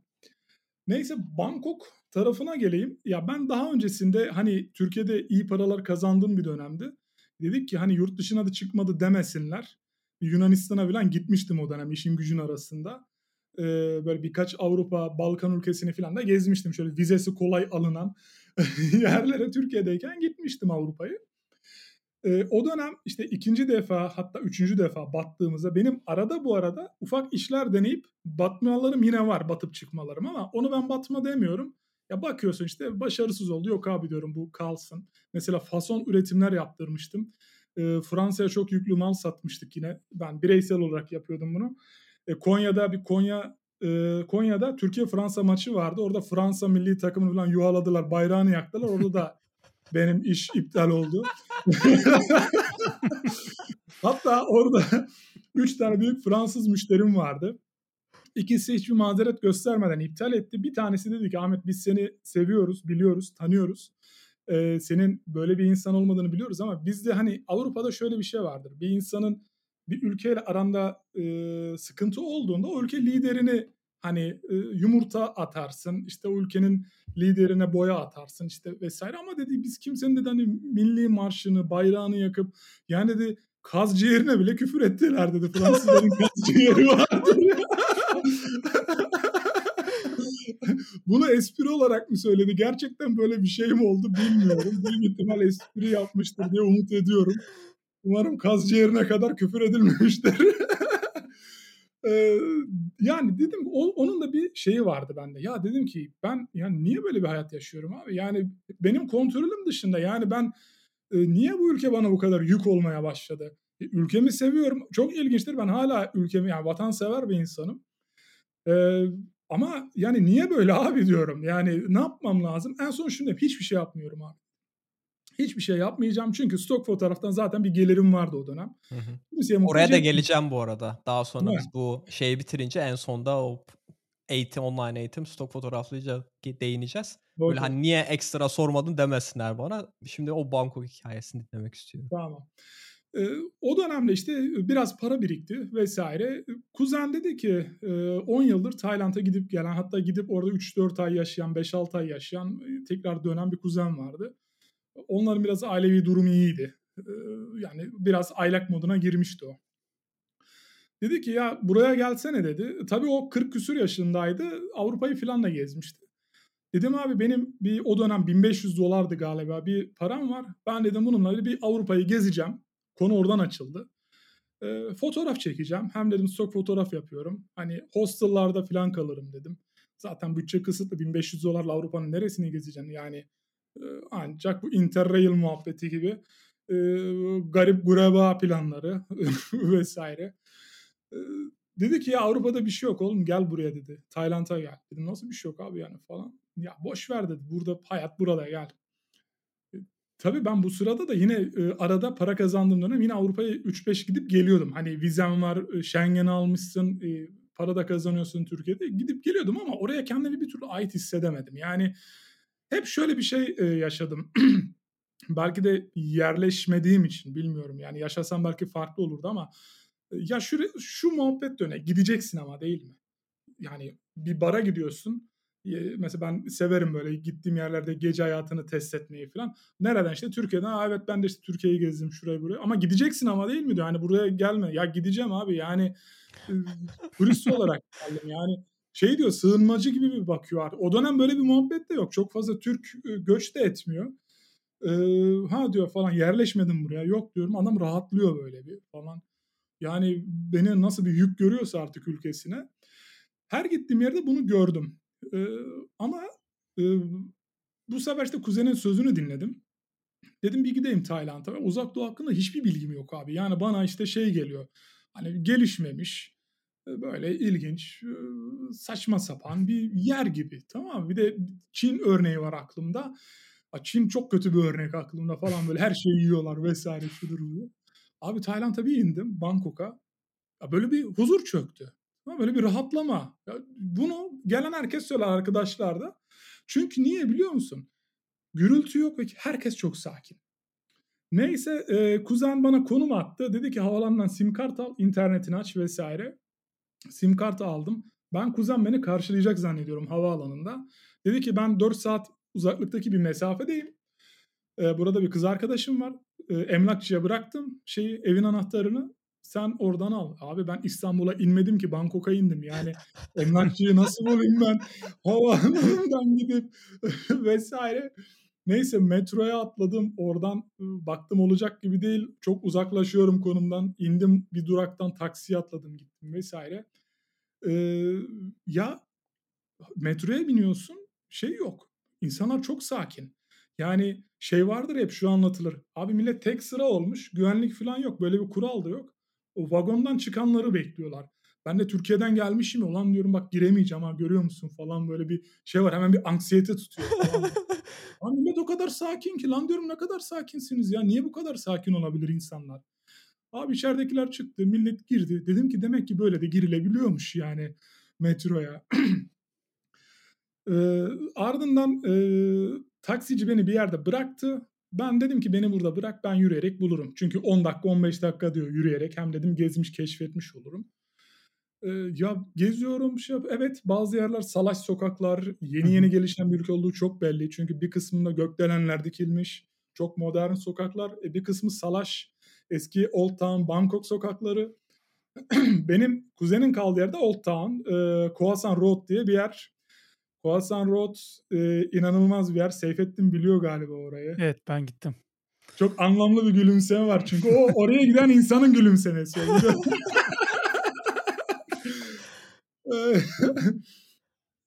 Abi o şey de şu kısaca anlatayım. Ben tabii emlakçıyı buldum, eve gittim. Hatta Khoasan Road'u gündüz gördüm ya dedim ki bu ne abi bu bizim kuzen herhalde dedim çok fakir. Yani burada parası yok adamın. E, o yüzden böyle bir yer tuttu falan. Çünkü çok salaş Old Town. E, tabii ben bir de uçakta uyuyamam. E, hiç uykusuzum. Uyud, uyudum. E, akşam 9 gibi falan böyle uyandım. Eee, bir duş falan aldım böyle ama dışarıdan müzik sesleri geliyor. Seyfettin bilir o ortamı şeyi. Ya Evet. dedim ne oluyor? Dışarı çıktım abi, eee, sokak kapalı ve herkes dans ediyor, oynuyor, mekânlardan müzik sesleri vs. Dedim ki herhâlde bir etkinlik var. Eee, orada bir sokak satıcısından böyle yiyecek bir şeyler alıyorum. Hem, eee, şeyi de severim kültürel, hani, yeni bir kültürü tanımayı, yeni lezzetler tatmayı severim. Dedim ki bugün bir etkinlik mi var? Genç bir çocuk. Eee, normalde İngilizceleri pek yoktur da gençlerin İngilizcesi fena değil. Eee, 35 yaş altı konuşuyor bir şekilde. Eee, hayır dedi. E, dedim yani bu sokak çok kalabalık, insanlar dans ediyor. O dönem benim İngilizce de çok kötü bu arada.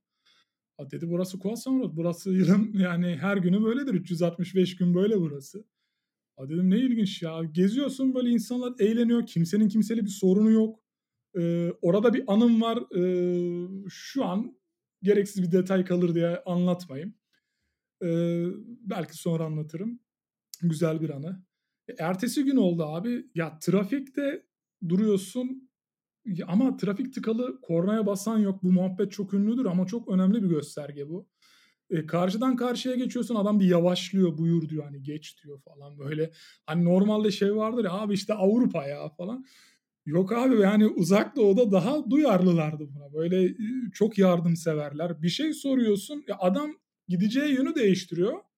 Seni oraya götürüyor. Yani abi ya bu kadar da yardımcı olmayın. Yani insan bir yük biniyor üzerine.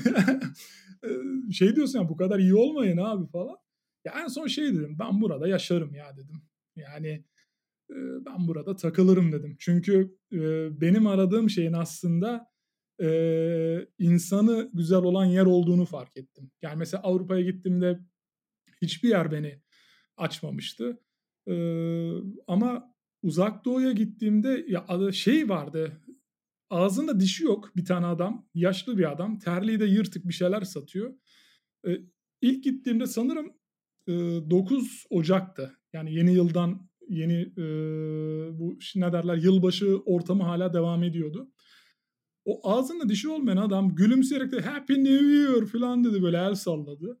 Ya dedim abi bu olay başka bir şey ya. Yani, bizde olsa bu işte efendim iPhone'um yok diye ağlar, o yok diye ağlar, bu yok diye ağlar ama mutluluk dediğimiz şeyin bunun ilgisi olmadığını orada gördüm. Yani birisi bana anlatsa sana konuşmak kolay falan derdim gitmeden önce. Ama gidip görüyorsun abi, yok adamlar mutlu. Yani, ııı, zengini de mutlu, fakiri de mutlu. Eee, daha sonra işte orada kalmaya karar verdim. Tabii ilk gittiğimde kalamadım. İlk gittim, geri döndüm. Eee, sonraki gittiğimde uzun kaldım. Sonraki de zaten, ııı, 4 ay sonra, 4-5 ay sonra gittim yani. Geldim Türkiye'ye, tekrar toparladım, öyle gittim. Burada topu sana atayım tekrar. Ben Peki abi bu arada şeyi gidemedim şeye, eee, yani ben Malezya'da yaşadım. Tayland'a da Ha. gittim gezmeye, Singapur, Tayland ama sıcağı mesela beni çok etkilemişti. Yani bunaltıcı bir sıcak var, nemli biraz. Eee, o etkilemişti mesela. Kalma kararını muhtemelen ben sırf sıcaktan dolayı veremezdim.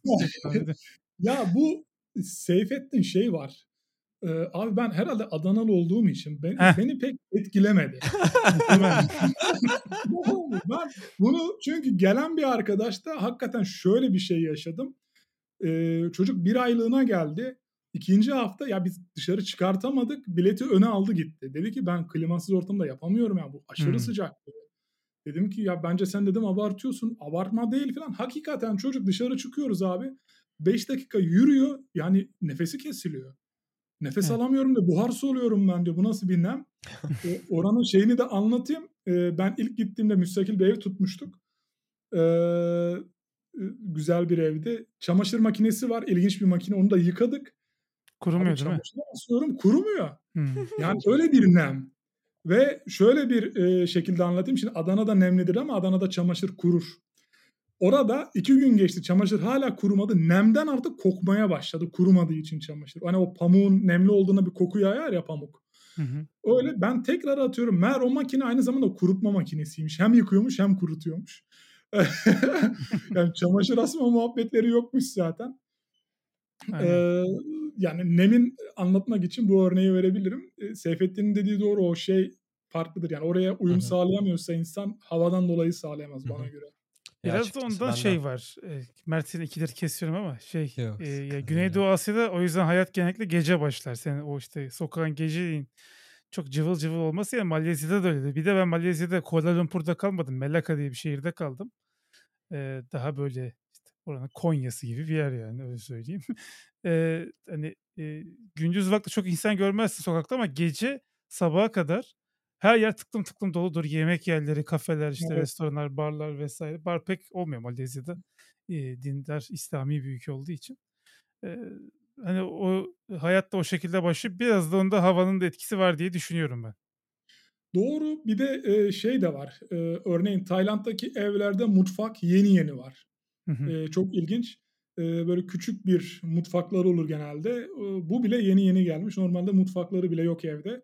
Çünkü bunlar 1970 yılına kadar aslında çok böyle kıtlık, yokluk ııı, la yaşayan insanlar ve sürekli çalışmak zorundalarmış. Eee, o yüzden, eee, gece evlerine gidiyorlar. Sadece uyumaya gidiyorlar. Uyumaya, duş almaya falan gidiyorlar. Çocuklarıyla, eşiyle mesela sokakta bir satıcıda buluşup orada yemek yiyorlar. O yüzden o Bangkok sokak yemeklerinde çok ünlüdür. Evet. Tayland geneli. Eee, fakat insanlar yemek yapma tarafı o kadar yoktur. Eee, hâlâ sevmezler. O sokak satıcıları onların ana kültürlerinden birisidir aslında. Şimdi yeni yeni, eee, artık Tayland bayağı gelişti. Eee, özellikle bu yıl, eee, kişi başı düşen milli geliri de $10.000'ı buldular. Eee, bayağı Türkiye'den fazla. ilerliyorlar. Bizden fazlalar şu an. Türkiye'den daha iyi durumdalar. Eee, şey olarak, eee, kişi başı gelirde. Eee, bir de stabil bir ülke ekonomi ve piyasa olarak. Mesela askeri darbe olmuş 7 yıl önce filan ama ben ona çok şaşırmıştım. E, darbe oluyor ama bizim kuzen o dönem orada. Darbe olduğunu askerleri görünce öğreniyor. Her şey de yolunda gidiyor. O o anayasada bir madde varmış. İşte, hani, ne olursa olsun, işte, kişisel ne derler, varlıklara, Mülkiyet banka hesaplarına, ona buna hiçbir şekilde el koyulamaz gibi genel böyle global anlamda sermayeyi rahatlatacak maddeleri var bunların. Eee, o yüzden gittiğimizde şey görüyorsun mesela Intel'in kocaman bir Ar-Ge merkezini görüyorsun. Coca-Cola geldi. Eee, Koç grubu $8.000.000.000'lık galiba ya da TL mi bilmiyorum bir yatırım yaptılar. Eee, artık Bangkok'ta Beko'nun reklamlarını filan görüyorsunuz billboard'larda. Da güzel bir şey. E, Eee şeyse abi senin dediğin gibi yani mutfak yeni yeni gelişiyorsa 1 numaralı pazar oluyor hani Beko için. Atıyorum bulaşık makinesi Aslında şöyle, mutfak Tayland beyaz eşyada çok ileri. Hımm. Eee, tabii, tabii çok ciddi bir know-how'u var. Eee, ve o bölgede de sanırım know-how'ını almak istiyor bizimkiler. Onlara da şöyle de öyle yok kolay know-how vermek. Geleceksin buraya, yatırımını Hımm. yapacaksın. Öyle alacaksın gibi bir durum var. Çünkü çok ilginç beyaz eşyaları var. Eee, ya örneğin ben oradaki gördüğüm şeyler, eee, yani hem çok ele az elektrik yakıyor hem inanılmaz bir dondurma kabiliyeti vardı. Çünkü tropik bölge abi yani daha o o sıcakla boğuşacak bir, eee, dolap lazım. Derin dondurucu lazım. E, çamaşır makineleri, e, inanılmazdı. Şey vardı ya, yani yorgan yıkayabiliyordun ama baktığında küçücük. Hani Hımm. bizde de var yorgan yıkayan makineler de küçücük makine abi. Atıyorsun yorganı yıkıyor bir de kurutuyor yorganı falan böyle ilginç bir şekilde. Yani bu şeyde de çok iyilerdi. Kendi markaları var. Yine bizdeki Arçelik gibi, Beko gibi kendi markaları var. Eee, şeyler de çok iyi. Millet genelde turizm olarak biliyor da turizm artık 16. gelir kalemi Tayland Hımm. ekonomisinin. Eee, mikroçip üretiyorlar artık. Hatta dünyadaki çip krizi ve Kocaeli'deki Honda fabrikasının kapanma muhabbeti Tayland'daki çip fabrikasının yetişememesi. Yani, eee, çip siparişlerine dünya geneline yetişememesi, eee, 3 vardiya çalışmalarına rağmen patladı herifler, yetiştiremediler. Hımm. Eee, çünkü birden bir, eee, talep patladı. Şeyden sonra, pandemiden sonra dünya normalleşince.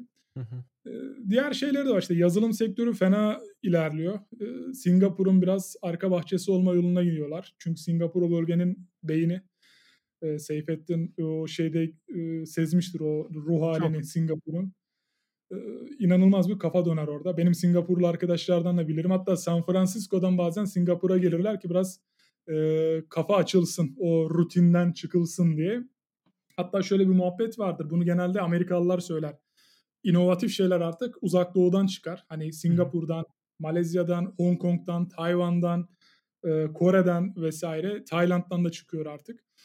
Eee, ilk önce oradan çıkar. 1 yıl sonra ABD'ye gelir. Yani benzeri kopya, eee, şeyler, projeler. Eee, 3 yıl sonra Avrupa'ya gelir. bu ilginç gelmişti bana. Ee, aslında Getir onların bir örneği oldu. Bizdeki Türkiye'deki Getir. Mesela e, Asya'da Grab vardı. Biz zaten market alışverişini Grab'den yaptırıyorduk. E, yemek siparişi Grab'den veriyorduk. Üstüne bir de taksi çağırabiliyorduk. Yani hepsi var burada. Bu hepsi vardı.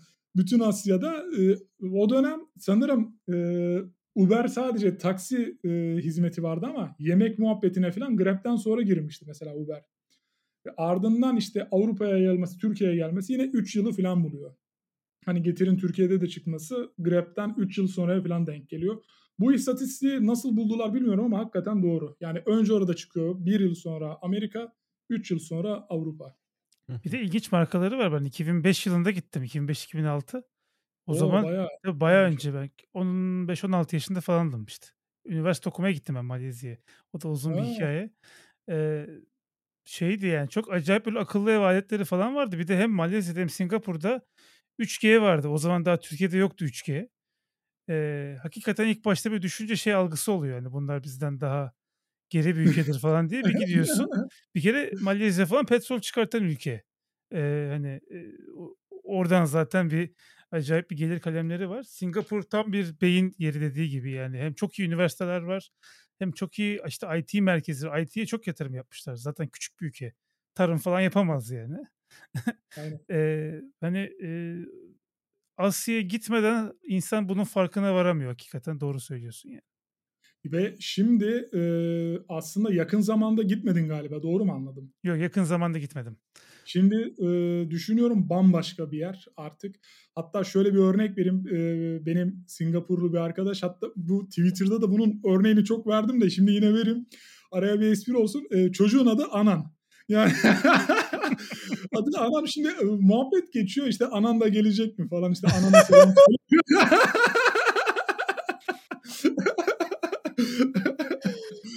hani konusu olur da hani farkında olmadan söylersem işte e, millet yanlış anlamasın diye.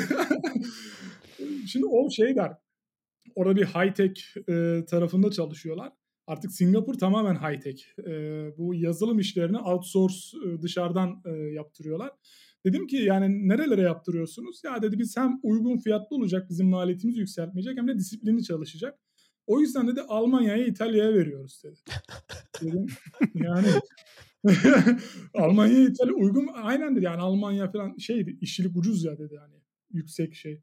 Dedim abi Almanya nasıl ucuzdan düşünüyorum yani sonra şuradan fark ettim. Ee, adamların kişi başı geliri 120 bin dolar Singapur'un. Yani artık öyle bir seviyeye gelmişler ki Almanya'yı, İtalya'yı ucuz işçi olarak görüyorlar. Ve artık o şeyle uğraşmıyorlar. Kendisi tamamen planlama, programlama, ürün geliştirme, e, bu taraftalar. O teknik tarafı tamamen dünyanın öbür tarafına paslamışlar. Hı hı. Ben abi buradan o zaman tekrardan şeye geleceğim. Ee, önce siz havalardan falan konuşunca ben de bir an Antep ziyaretim geldi aklıma. Geçen haftalarda Antep'i ziyaret ettim. Hakikaten yani şeyi sorguladım ya ben bu havada yaşanır mı şeyini o Seyfettin'in e, ziyaret ettiğindekine benzer. Dedim hakikaten ya ben Hamburg havasına artık alışmışım yani böyle serin bir havaya ihtiyacım var sürekli. Ee, sen şimdi abi Bangkok ziyaretin böyle nasıl bir tadını e, bal çaldılar böyle ağzına öyle mi derler? Hı. Ondan sonra tekrardan e, gitmeye karar verdin. Tam orada da ben şeyi de sorayım sana. Çünkü bu kadar Bangkok övdük. Dinleyenler merak edecek. Ya Bangkok'a nasıl gidilir? Çünkü muhtemelen sen de o ziyaretinden sonra araştırıp Hı-hı. bakmışsındır. Ya ben nasıl yerleşirim ya işte nasıl Hı-hı. belki işte iş kurarak mı yerleşirim falan. Şimdi dinleyenler de artık merak ediyordur ya. Tamam artık hani yeter övdünüz. Biz nasıl gidebiliriz Bangkok'a? Nasıl yerleşebiliriz bir Türk vatandaşı okay. olarak? Ya öncelikle Hem senin hikayenle birlikte hani kombinlersen. Okay. Um, şimdi ara sıra bu arada hani genelde Amerika'da yaşayanlar İngilizce kelime çıkabilir. Bende de Çince ya da Tayca arada kelime çıkabilir. O, o zaman dürterseniz sevinirim, düzeltirim orayı. Şimdi şundan bahsedeyim. Çok ya her insanın böyle enerjisinin uyuştuğu, ruhunun uyuştuğu şehir çok farklı, ülke çok farklı. O yüzden ben genelde şunu tavsiye ediyorum. İnsanlar diyor ki abi biz işte eşimle şuraya gitmek istiyoruz. Bangkok'a gitsek nasıl olur? ben diyorum ki Asya'yı şöyle bir gezin. E çünkü şey var abi, adam aşırı dindar bir adam, tamam mı? Ya tamam, Tayland'da sıkıntı yok. Tayland'da Müslümanlar da yaşıyor. Başörtülü Taylandlılar falan. Adamın eşi de kapalı falan. Ama diyorum belki oradaki ortam seni sıkabilir. Yani belki sen Malezya'yı daha çok seversin. Ya da ne bileyim Endonezya mesela belki diyorum daha çok seversin. Endonezya'da da hani, hani Jakarta'yı belki çok seversin ya da Bali'yi daha çok seversin. Ya diyorum şöyle bir gez, bir bak. Ee, ya da dersin ki yok abi burası benim için daha uygun. Mesela benim bir arkadaşım Filipinlere yerleşti. Ee, Levent abimiz. Ee, ve artık orada yani çok ilginç. Ben Filipinlerin doğası inanılmaz bir doğası var. Ama tabii bir Tayland değil bana göre her yönden. Dediğim gibi bu öncelikle bu parantezi açmam gerekiyor. Yani belki giderler ama beklediği şeyi Tayland'da bulamaz. Singapur'da bulur, Malezya'da bulur. O bölgeye bir gezmeleri gerekiyor insanların. Peki şimdi Tayland'a nasıl gidilir? Tayland'a e, gittiğinizde zaten kapıda vize muhabbeti var. E, pasaportunuza bir aylık vizeyi e, direkt mührü vuruyorlar. Bir ay boyunca kalabiliyorsun.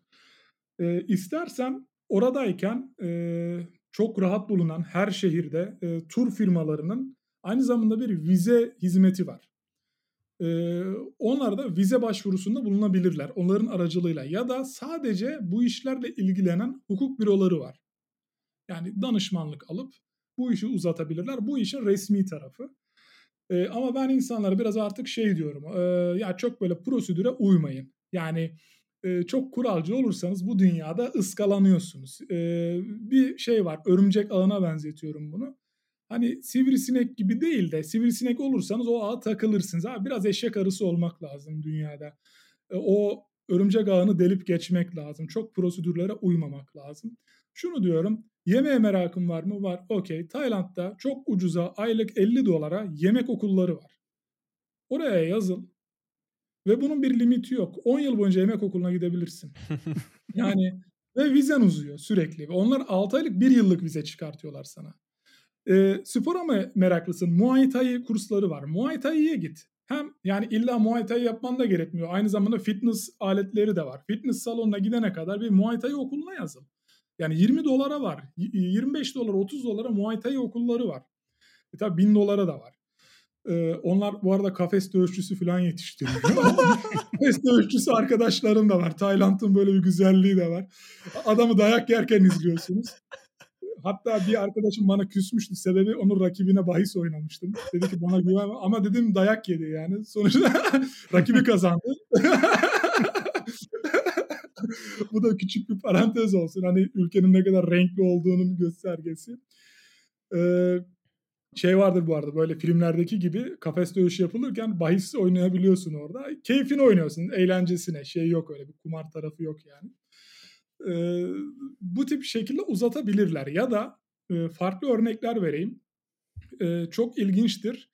E, Tayland'da Türkçe dil eğitimi veren şeyler var. Mesela bizde şey vardır ya e, Urdu dili vardır mesela Türkiye'de. Hı hı. Lan dersin ki Urdu dilini kim öğreniyor? Abi birileri öğreniyor işte o Urdu dilini. Ya da İbranice eğitimi vardır. Şimdi diyorsun ki abi İbranice'yi kim öğreniyor? Öğreniyor abi birileri.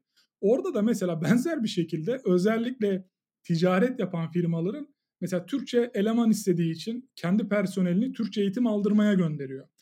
Ya da üniversitede seçmeli ders olarak Türkçeyi seçenler var. Mesela e, orada bir Türkiye denk gelmiştim. Adam işte bir 20 yakın ülkeyi gezmiş. Tayland'da ben yaşarım demiş o da benim kafada biraz.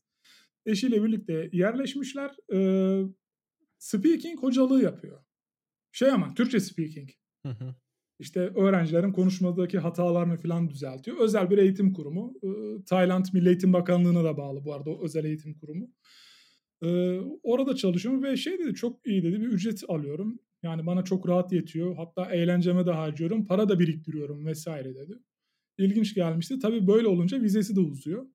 Ben diğer olasılıklardan da bahsedeyim. Örneğin çocuğunuz varsa e, lise çağına kadar da olabilir. İlkokul, anaokulu hiç fark etmez Tayland'daki bir devlet okuluna çocuğu yazdırabiliyorsunuz ve çocuğunuz okuduğu sürece sizin de oturma vizeniz çıkıyor. İlginçmiş. Ee, yani şimdi anlatsam çok fazla yöntemleri var bunların. Ee, prosedürde ilerle başta prosedüre uyabilirler. Hani bir yerden 3 aylık 6 aylık vize alıp e, takılabilirler ama ardından bir yemek okulu ya da bir dil okulu ya da bir e, Muay Thai kursu e, vesaire bu gibi şeylere yazılıp e, buradan devam edebilirler. Bütçelerine dokunmaz. Hı hı. Bütçelerden abi bahsetmişken e, biraz da hani yaşam masrafları falan nasıl orada? Hani dedim mesela işte 20 dolara gidip kursa yazılıyorum. Okey. E, kalacak yere ne kadar vereceğim? Yeme şeye e, ne kadar harcayacağım? Dışarıya vesaire harcama elektriğidir, Ya bu internettedir falan. çok değişebilir ama birkaç örnek vereyim. Öncelikle Tayland'ın her şehrinde bu olay çok değişir ve e, bu arada Tayland'ın her şehrinde farklı bir hayat vardır. Yani birbirine hiç benzemez. Örneğin bu aralar nomadların çok popüler olduğu yer e, Chiang Mai, Chiang Mai ve Chiang Rai e, buralar. Çünkü çok sakin, serin, e, çünkü dağlık bölge buralar ve aşırı huzurlu e, bölgeler. Halkı inanılmaz böyle sakin, dingin bir e, halk e, ve her şey de var. Yani e, bütün Bangkok'taki imkanları orada da bulabiliyorsun.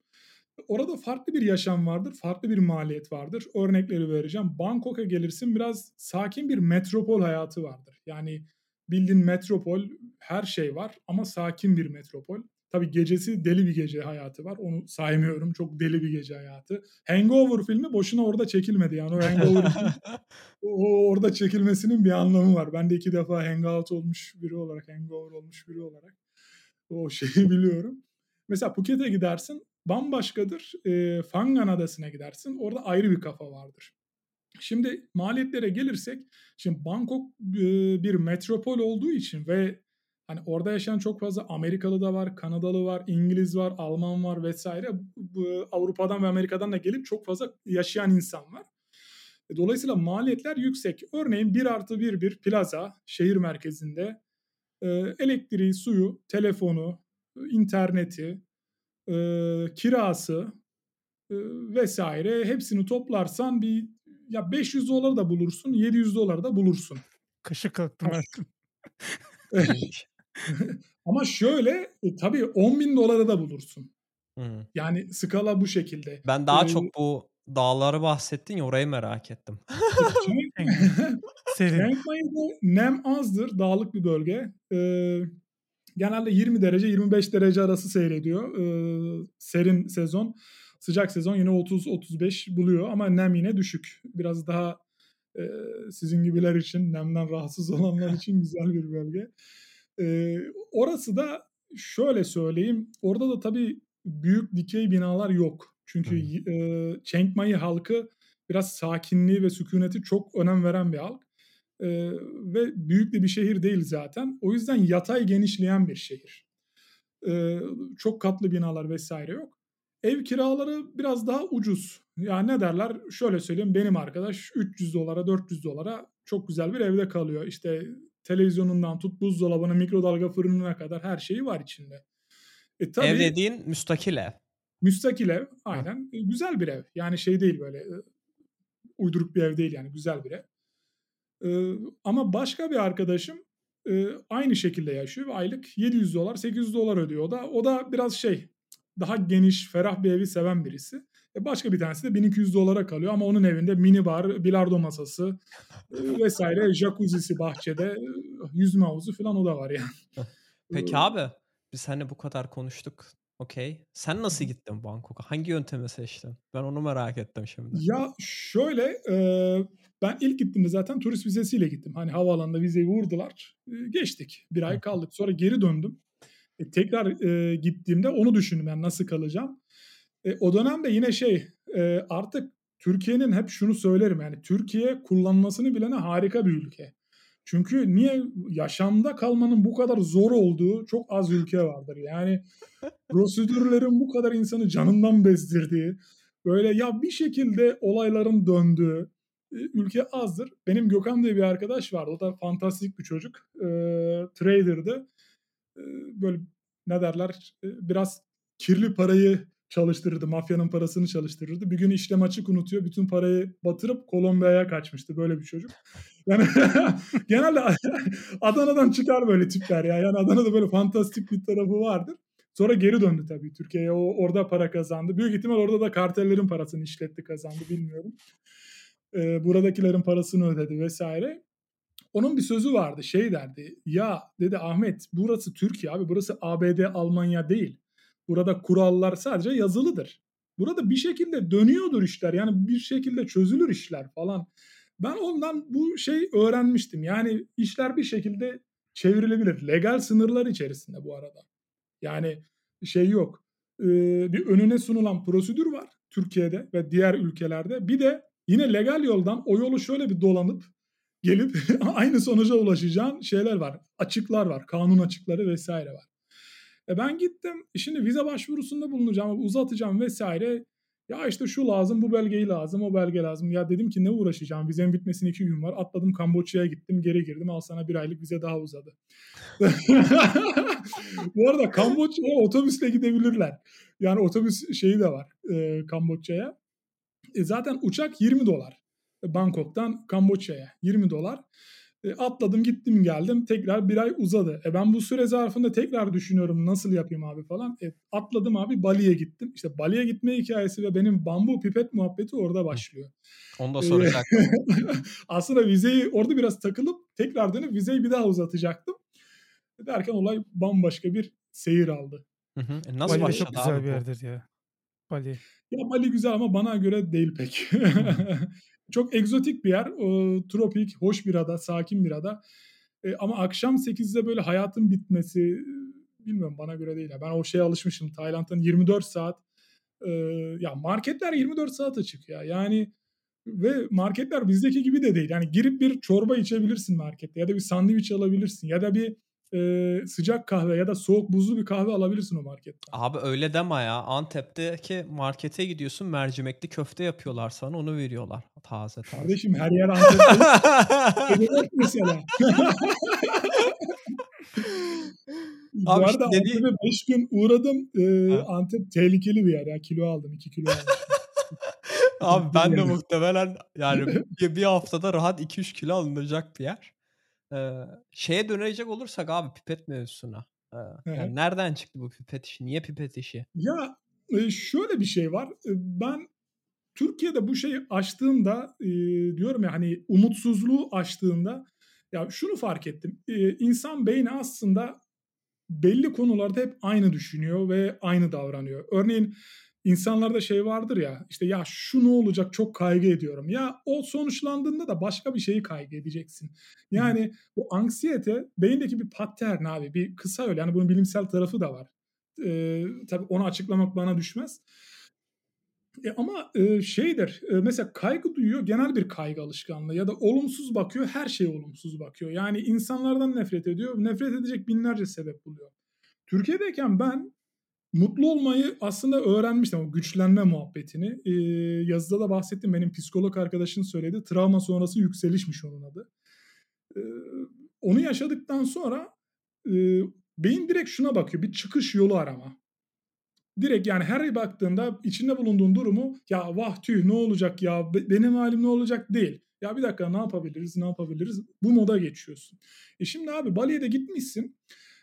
Bangkok'ta ben gezerken atölyeler dikkatimi çekmişti. Dedim ki Ahmet burada yaşamak istiyorsun. E, yaşamak istiyorsan para kazanacaksın abi. Yani stok fotoğraftan gelen para okey. Senin orada bir e, şey tutar ama e, sana rahat bir hayat sunmaz. E, çok para bir de ben çok para kazanmaya alışmış bir adamım. Yani ben öyle çok ufak kazanacağı hiçbir zaman e, bir seviyeden sonra artık kabullenemedim. Yani azıcık aşım ağrısız başım pek bana göre değil. Çünkü e, bu detayı vermek pek hoş olmayabilir de ben aslında farklı hayatlara da dokunmak istiyorum ve bunun için de para lazım. Yani başta ailenin hayatını değiştireceksin, para lazım. Kardeşinin hayatını değiştireceksin, para lazım. E, geniş ailende, sülalende bakıyorsun böyle. E, yoksul insanlar var. E, yardım edeceksin. Para lazım. Yani e, başka hayatlara bir şekilde dokunacaksın. Yine para lazım abi. Yani o, o yüzden e, hobin var para lazım. Yani bir yere gideceksin para. Her yol buraya çıkıyor. Sağlık ve para. E, dedim ki bu atölyelerden ben bir şeyler alırım. Etsy'ye yüklerim. Mesela o kafaya girmiştim. Ya da dedim Amazon'a gönderirim. Amazon'u da öğrenmiştim zaten. E, epey danışmanlık vesaire de almıştık. Ee, Amazon'da da ilerlemiştim epey. Şirket olarak, marka olarak da iyiydik Amazon'da. Ya o yönden rahattım yani hiç kaygım yoktu. Ben dedim bir yolunu bulurum. Yani bir şekilde para kazanırım. O güveni sağladıktan sonra kendine inandıktan sonra o modda devam ediyorsun. E şimdi Bali'ye geldim. E, o artık bende bir alışkanlık. Hala öyledir. E, gezdiğim bir ülkeyi sadece gezmek için gitmiyorum.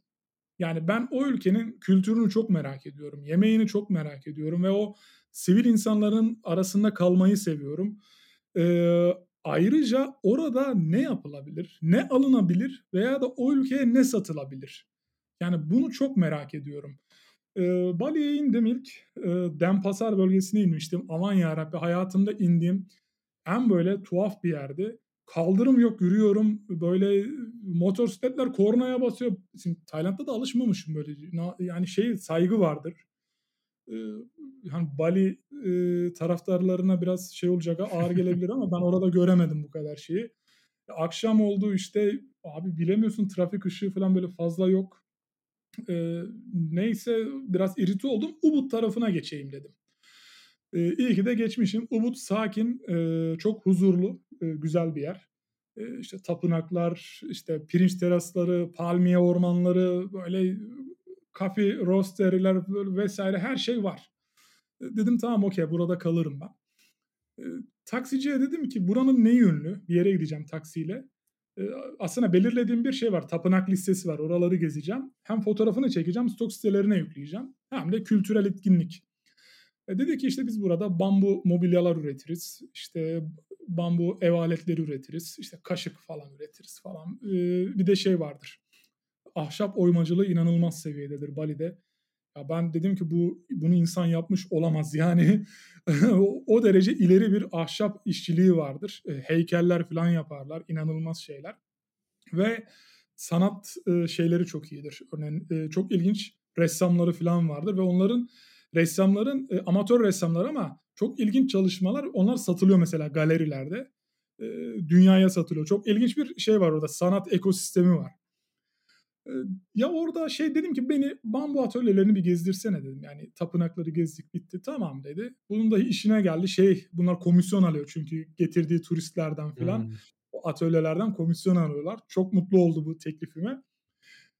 Abi orada mobilya atölyesini gezerken yan tarafta o mobilyacıların da şey ürettiğini gördüm. Baby bambular vardır böyle onlardan pipet üretiyorlar. Tam gelişmemiş ya da o büyük bambuların uç kısımlarından. Dedim bunlar ne yapıyor abi bu yani ilginç bir makine kesiyor belli aralıklarla. Aslında anlam veremedim. Yani ne olduğunu anlamadım onun. İşte başka bir makine içine böyle bir burgu gibi bir şey giriyor çıkıyor bir basınçla hava üflüyorlar. Sonra dışını bir zımparalıyorlar falan bayağı bir emek yani. Dedi ki bunlar pipet. Dedim bambu pipet evet işte şu an dedi batı dünyasında epey talep var buna. İşte yıkanabilir, çok e, defa kullanılabilir.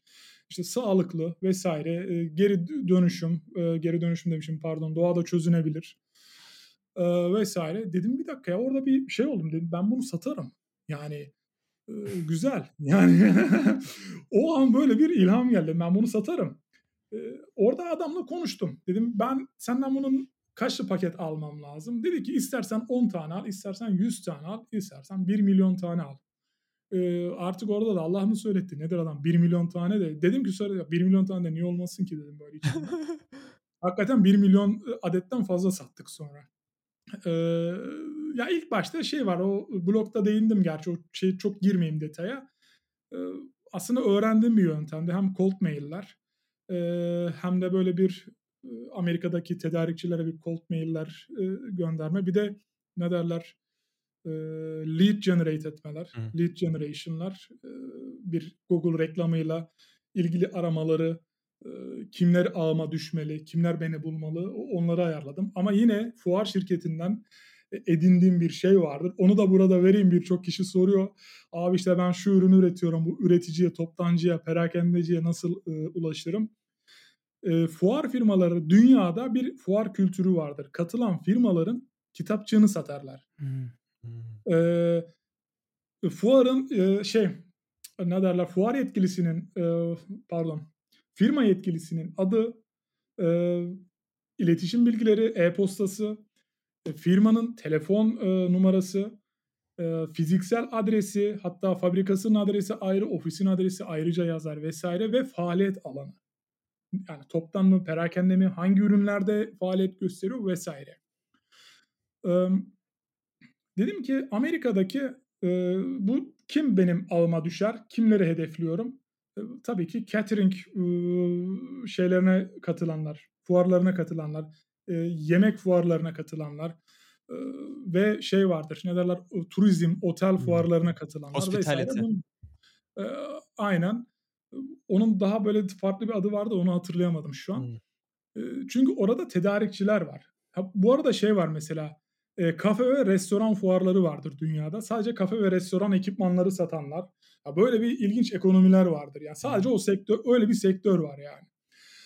Ee, onların şeylerini buldum. Amerika'daki hangi fuarları yapılıyor? Baktım en son aktif fuarları buldum. İşte bir yıl önce yapılan, iki yıl önce yapılan, bu yıl yapılacak olan. Onun geçmiş yıllardaki kitapçığını satın almak istedim. Firmaya mail attım. Ve firmada tabii canına millet 20 dolar, 30 dolar, 40 dolar neyse verdik parasını aldık. E tabii fazla para da yok bu arada. Yani 100 dolara geçmemek lazım dedim kitap alırken de. Hiç unutmam 5 tane kitap almıştım 20 dolardı. E, o kitaplardan e, benim kriterime uygun firmaları buldum. Onlara şey gönderdim. E, mail gönderdim ama mailde de güzel bir strateji izlediğimi düşünüyorum. Böyle hazır mail değil ya böyle sayın yetkili gibi saçma bir mail değil yani. Direkt o firma yetkilisinin atıyorum e, nedir Richard işte yani o Richard'ın adı geçecek şekilde. Çünkü adamın adı da yazıyor orada.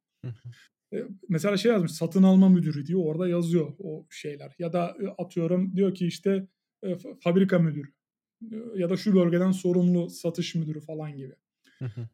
İsme hitaben yazıyı çok kısa tutup şöyle 2-3 satırlık bir yazı asıl maile pdf formatında güzel bir katalog. InDesign'da hazırlamıştım onu hiç unutmam böyle güzel fotoğraflar, 16 puntoluk bir biraz gözü yormayacak yazılar ve kısa kısa. Yani maksat şeydi orada o PDF formatındaki o belgeyi açtırmaktı insanlara. Çünkü uzun mail yazacaksın adamın işi gücü yok senin mailini mi okuyacak? orada sanırım 118 diye hatırlıyorum da yanlış da olabilir. Yüzden fazlaydı. Firmaya gönderdim mail. Ee, 10 o 10 küsür tanesi geri dönüş yaptı sanırım. Tam o şeyleri hatırlamıyorum işte ama 5 tanesiyle çalışmaya başladık. Önce bir tanesiyle çalıştık. Sonra 2 oldu, 3 oldu, 4 oldu. Önden numune istedi bunlar. Ee, tabii numune isteyen bir o ondan fazlaydı. 12-13 tane de olabilir. Ee, o şeylere bakmam ama onların dataları duruyor hala. Blogda yazarken bakmıştım datalara. Ee, 5 tanesiyle daimi çalışmaya başladık. Abi bunlardan bir tanesi ya aldı başını gitti. Adama yetişemiyoruz. Yani sürekli yani gönder baba gönder, gönder baba gönder. En son atölye sahibi dedi ki yani biz buna ama yetişemiyoruz dedi. Dedim artırabilir miyiz kapasiteyi? Artırırız dedi. O zaman arttır dedik yani biz de. Meğer e, firma e, şeyde Chicago'daki e, Starbucks'lar dahil birçok böyle kafelere e, toptan tedarik e, sunan bir firmaymış. Hmm. Ve bizim aslında sunduğumuz pipetler çok böyle birinci sınıf pipetlermiş. Ben bilmiyordum. Yani e, kaliteli olduğunu biliyordum. Çünkü dışına bir zımpara atılıyor, bir şeyden geçiyor, içine bir, bir şey oyuyor, basınçla hava üfleniyor falan. Güzeldi yani. E, o bunlar meğer bizden toptan oluyor. Beşli paketler yapıyor. Kasanın önüne koyuyorlar. E, işte o paketlerden alıyorsun ya da marketlere falan da vermeye başlamışlar. İşte dünyayı kurtarıyorsun bambu pipetle. Artık dünya kirlenmiyor falan böyle vesaire. o dönem hatta Chicago'daki bir arkadaş bana fotoğraf atmıştı. Şey dedi bak dedi burada da bambu pipetler var dedi. Sen iyi işe girdin dedim. Onlar bizim gönderdiğimiz o herhalde inanmadı salladığımı falan düşürdü. Ha ha ha falan diye gülücük atmıştı da büyük ihtimalle inanmadı. Hakikaten bizim de onlar. Şey var işte abi ne derler e, taneyle de böyle pipete kendin alabiliyor musun işte 50 sent farkla dünyayı kurtarmak ister misin falan gibi böyle. E, hem kafelerde satılıyor hem evine alıyorsun vesaire. Oradan bayağı bir güzel para kazandık. e, sonra oradan niye çekildim bunu yazmamıştım. Ya ben de genel olarak aslında e, ben girdim hiçbir işin büyümesini istemedim. Yani ben butik olarak iyi para kazanayım da ama yani çok da böyle büyümesin abi isterdim. Ama ürün takıntım var. iyi ürün olması lazım. E, hizmet takıntım var. Yani müşterinin hepsi memnun olması lazım. Mutlu olması lazım herkesin. Haksızsa da al kardeşim ürün senin olsun. Bir daha da alışveriş yapmayalım. Paranı da iade ediyorum. Ürün de sende kalsın deyip bunu da göze alırdık. Bunu her zaman yaptık. Ayakkabı işindeyken de böyle yaptık. E, abi böyle olunca bu sefer iş büyüyor. Çünkü ürün kaliteli, müşteri memnuniyeti var. E fiyat optimum bu sefer sürekli ivmeleniyor, yukarı çıkıyor. Ardından e, adını vereyim sıkıntı olmaz. Lipton firması geldi. dedi ki buraların hepsi benim.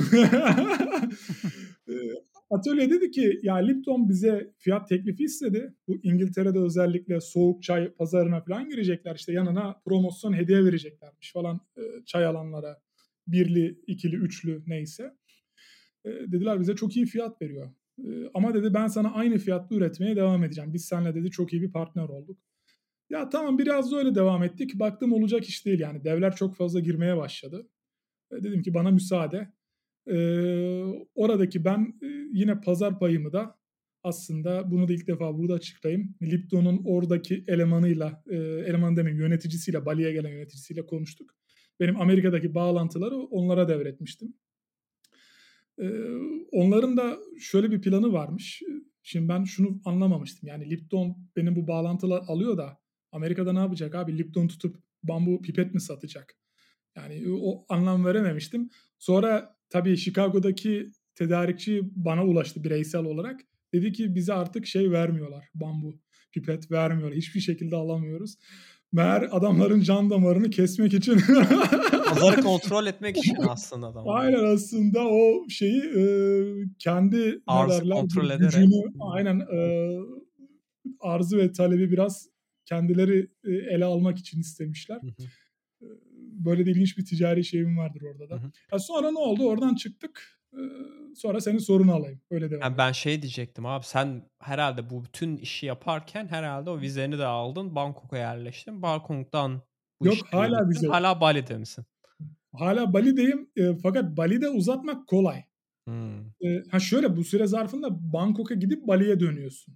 Ha. Çünkü o zaman da vizeye ihtiyacın olmuyor. Yani çünkü Bali'ye giriyorsun Bali vizeni yeniliyor. Hop sıfırlanıyor sayaç bir ay. Ee, şeye gidiyorsun Tayland'a gidiyorsun hop yine sıfırlanıyor. Bu sefer vizeye ihtiyacın duymuyor. Ya abi Bali'de iş yapıyorsun. E, Bangkok'ta yaşamayı seviyorsun. E, bu arada Phuket'in de hakkını yemiyorum. Ben daha çok Phuket'te kaldım aslında. Ee, Phuket'e gidiyorsun. Bir de Bali ile Phuket arasında direkt uçuşlar var. Çok sık bir hava trafiği var. Abi gidiyorsun geliyorsun resetleniyor şey. En son bir kere beni polis kenara çekti Tayland'da. Dedi ki o kadar çok giriş çıkış yapıyorsunuz ki bunu bize nasıl açıklarsınız? Dedim vallahi böyle böyle anlattım yani. Ben burada yaşamayı seviyorum. Orada da bir iş var vesaire budur. Ya bunun için dedi hem dedi siz rahat edersiniz bir dedi vizeyi uzatsanız güzel olur falan gibi tavsiye verdiler. E, bu kadar. Ama ben en son işte artık e, Bali'yi terk edip e, ben Bangkok'ta bir şeyler yapayım ya. Burada da çok atölye var çünkü deri sektörü çok iyi e, Tayland'da. Ahşap sektörü inanılmaz bir seviyede. E, bunun dışında ben orada çok ilginç bir şekilde kiloyla bu fabrikaların attığı çipleri satan biriyle tanışmıştım. O da Türk. E, yani Türkler hakikaten çok ilginç işler yapıyor dünyada. Onunla da nasıl tanıştık? Ben telefonda birine e, küfürlü konuşuyordum arkadaşıma. Biraz sinirlenmiştim. Abi sen Türk müsün diyerek öyle bir öyle bir tanışma muhabbetimiz vardı onunla da. Ya mesela o böyle bir iş yapardı. Dedim ki ya kiloyla çip mi satılır Allah aşkına? Ya dedi şey yapıyorum ben kiloyla alıyorum dedi. Ee, beşli onlu pakette genelde bu hobiciler var dedi. Hmm. Hobi elektronikçileri dünyada toptancı onlara satıyorum falan dedi. Transistörler işte küçük e, entegre devre denetleyicileri mi nedir öyle aklımda kalmıştı. Hiç de anladığım bir iş değil. yani bunları yapıyor çocuk ve dedi ben dedi 5 yıldır buradayım dedi. Yani ben böyle geçimi bundan sağlıyorum. Ondan sonra tabii ben şey olmadım pek. Ne derler? Dedim bana göre değil. Ben yine orada deri atölyelerinden bir şeyler alıp satacaktım. E, lakin öyle olmadı. Ben de. Anlatabilirim detayı. Başka bir soru varsa ona geçebilirim. Yok ben işte şeyi merak ettim. Bu fulfillment işine girme bununla mı başladı? Bununla başlamadı. Ben e, bir şeyler yapacaktım. Ne yapacağımı bilmiyordum. E, ama ürün satacaktım. Yani ama hangi ürünü satacağımı bilmiyordum. Dedim ki yine deri işine girerim. Çünkü çok güzel cüzdanlar ve birinci sınıf böyle çantalar vesaire vardı. ya da ahşap tarafına girecektim. Ve karlılığı inanılmaz yüksekti. Hatta şöyle bir örnek vereyim. Ben e, 9 dolara alıyordum bir cüzdanı birinci sınıf. E, kargo da çok ucuzdur hala Tayland'da. Türkiye'den daha uygundur fiyatı. Yani benim Amerika'ya onu satmam 19-20 doları buluyordu. Paketleme, lojistik her şey dahil. Fakat onun satış fiyatı 69 dolardı. Wow. Yani çok ciddi bir kar kalıyordu. Hemen orada bir Türk usulü hesap yaptım işte 10 tane satsa falan vesaire gibi. Ama baktım şey diyorum ya bu para da kardeşim beni doyurmaz yani. Çünkü çok kazanmak istiyorsun. Şimdi ben şey derler hep sorarlar abi sen bu çevreyi nasıl edindin? Çok fantastik çevrem vardır hakikaten. Şimdi bu örneği burada çok genel açık vermem doğru olmaz. Hem yabancı ünlüler de var, yerli ünlüler de var. iş insanları da çok fazla.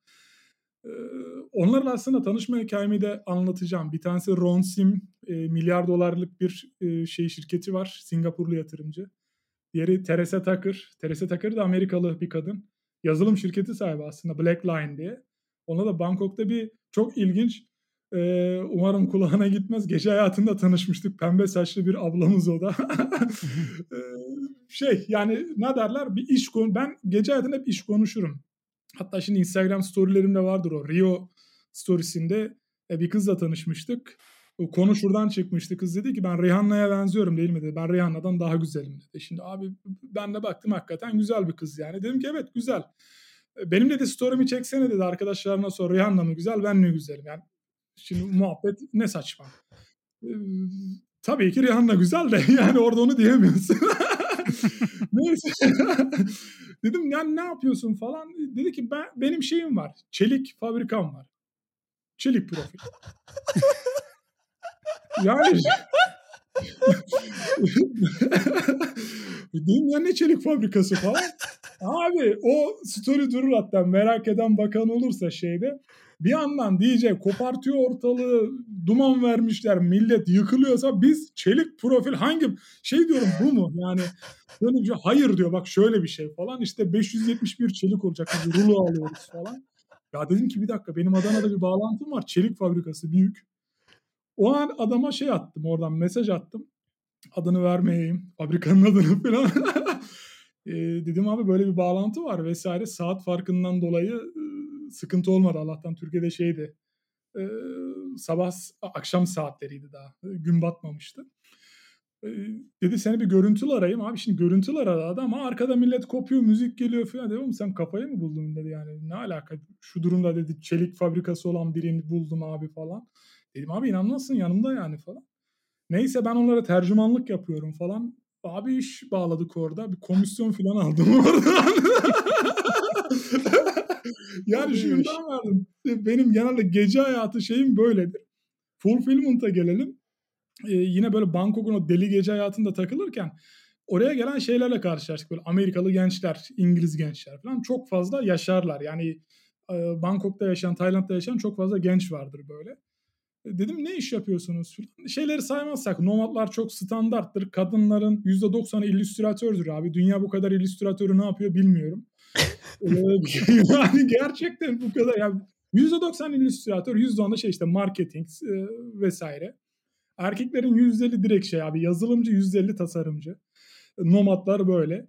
Ee, orayı geçeyim. Bunlar şey dedi biz de buradan bir şeyler alıyoruz. Etsy'de satıyoruz, Amazon'da satıyoruz ya da kendi kurduğumuz işte Shopify'dan e, satıyoruz, e, reklam veriyoruz falan. E, böyle dedi geçiniyoruz. Ama dedi depolama maliyetleri çok sıkıntılı. Örneğin dedi biz de Bangkok'u terk edemiyoruz dedi. İş tutuyor çünkü malı alacak gönderecek abi. Yani bir yer tutsa bunu kaldırmayacak. Yani o kadar para kazanmıyor. Orada yaşayacak kadar kazanıyor. Dedim fulfillment hizmetler yok mu? E, var dedi ama inanılmaz pahalı. Yani çok şey dev firmalarla çalışıyorlar. Bizim gibi küçüklerle çalışmıyorlar. E dedim ki abi biz yapalım. yani orada arkadaşa bahsettim. Dalga geçtiğimi düşünüyorum. Manyak mısın dedi. Depomu tutacaksın dedi Bangkok'ta. Zaten dedi para yok bizim falan. Ya dedim ki biz her işe parasız başladık abi. Zaten ben ticarete atıldığımda benim zaten para yoktu. Biz battık. Çıkarken yine para yoktu. E, ikinci defa battık çıkarken yine para yoktu. E, Bangkok'a geldik para yoktu. Ba şey, bambu işine giriyorduk para yoktu. Zaten para yoktu. E, dedik olur bir şekilde. Ya dedi sen bir uğraş bakayım dedi. E, tünelin sonunda ışık görürsem ben de dedi gelirim. İyi dedim o genel yapısı öyledir zaten hala öyledir. Şöyle eski bir depo bulduk. E, Bangkok'ta bir Sukhumvit Caddesi vardır. Bu cadde çok ünlüdür. Bangkok'un merkezinden başlar o yoldan e, hiçbir şey, hiçbir yere sapmadan devam edersen e, Kamboçya ve Vietnam'a kadar gidersin. Sukhumvit'in üzerine Bangkok'un çıkışında böyle hurda harabe bir yer yani ama e, hiç unutmam şey 1400 metre 1420 metrekare. E dedik ki valla buraya iki boya atsak fıstık gibi olur ulan kendimizi kandırıyor ama aşırı kötü yani. Ancak buna yeter. Arkadaş dedi ki oğlum burada dedi ahır bile olmaz lan. Ben dedi falan dedim sağ ol motivasyonun için. Hemen tabii e, ucuz bir yer tuttuk ama geri kalanı tabii e, boyamasıydı. İşte kapısını değiştirdik bir havalandırma falan koyduk derken bayağı bir şeye benzedi. E, sonra işte iki eleman bulduk orada. Tayca tabii Taylandlı birisi lazım orada e, duracak. Sistemi kurduk, anlattık. Onlar da çok iyi eleman çıktı yani. Çok canavar gibi çalışıyorlardı. Tabii ben o gece hayatında tanıştığım insanlara bundan bahsettim sonra. Hmm. Gece hayatında Burada, yine bahsettiğin işte Amerikalılar, İngilizler satış yapıyor. Aynen. Direkt... Onlara hatta dedim ki getirin malları koyun zaten bir şey kazandınız yok daha şey para yok yani müşteri yok daha. E, bari sizin operasyon yürüsün. e, tabii onlar da kendi arkadaşlarına e, bahsettiler.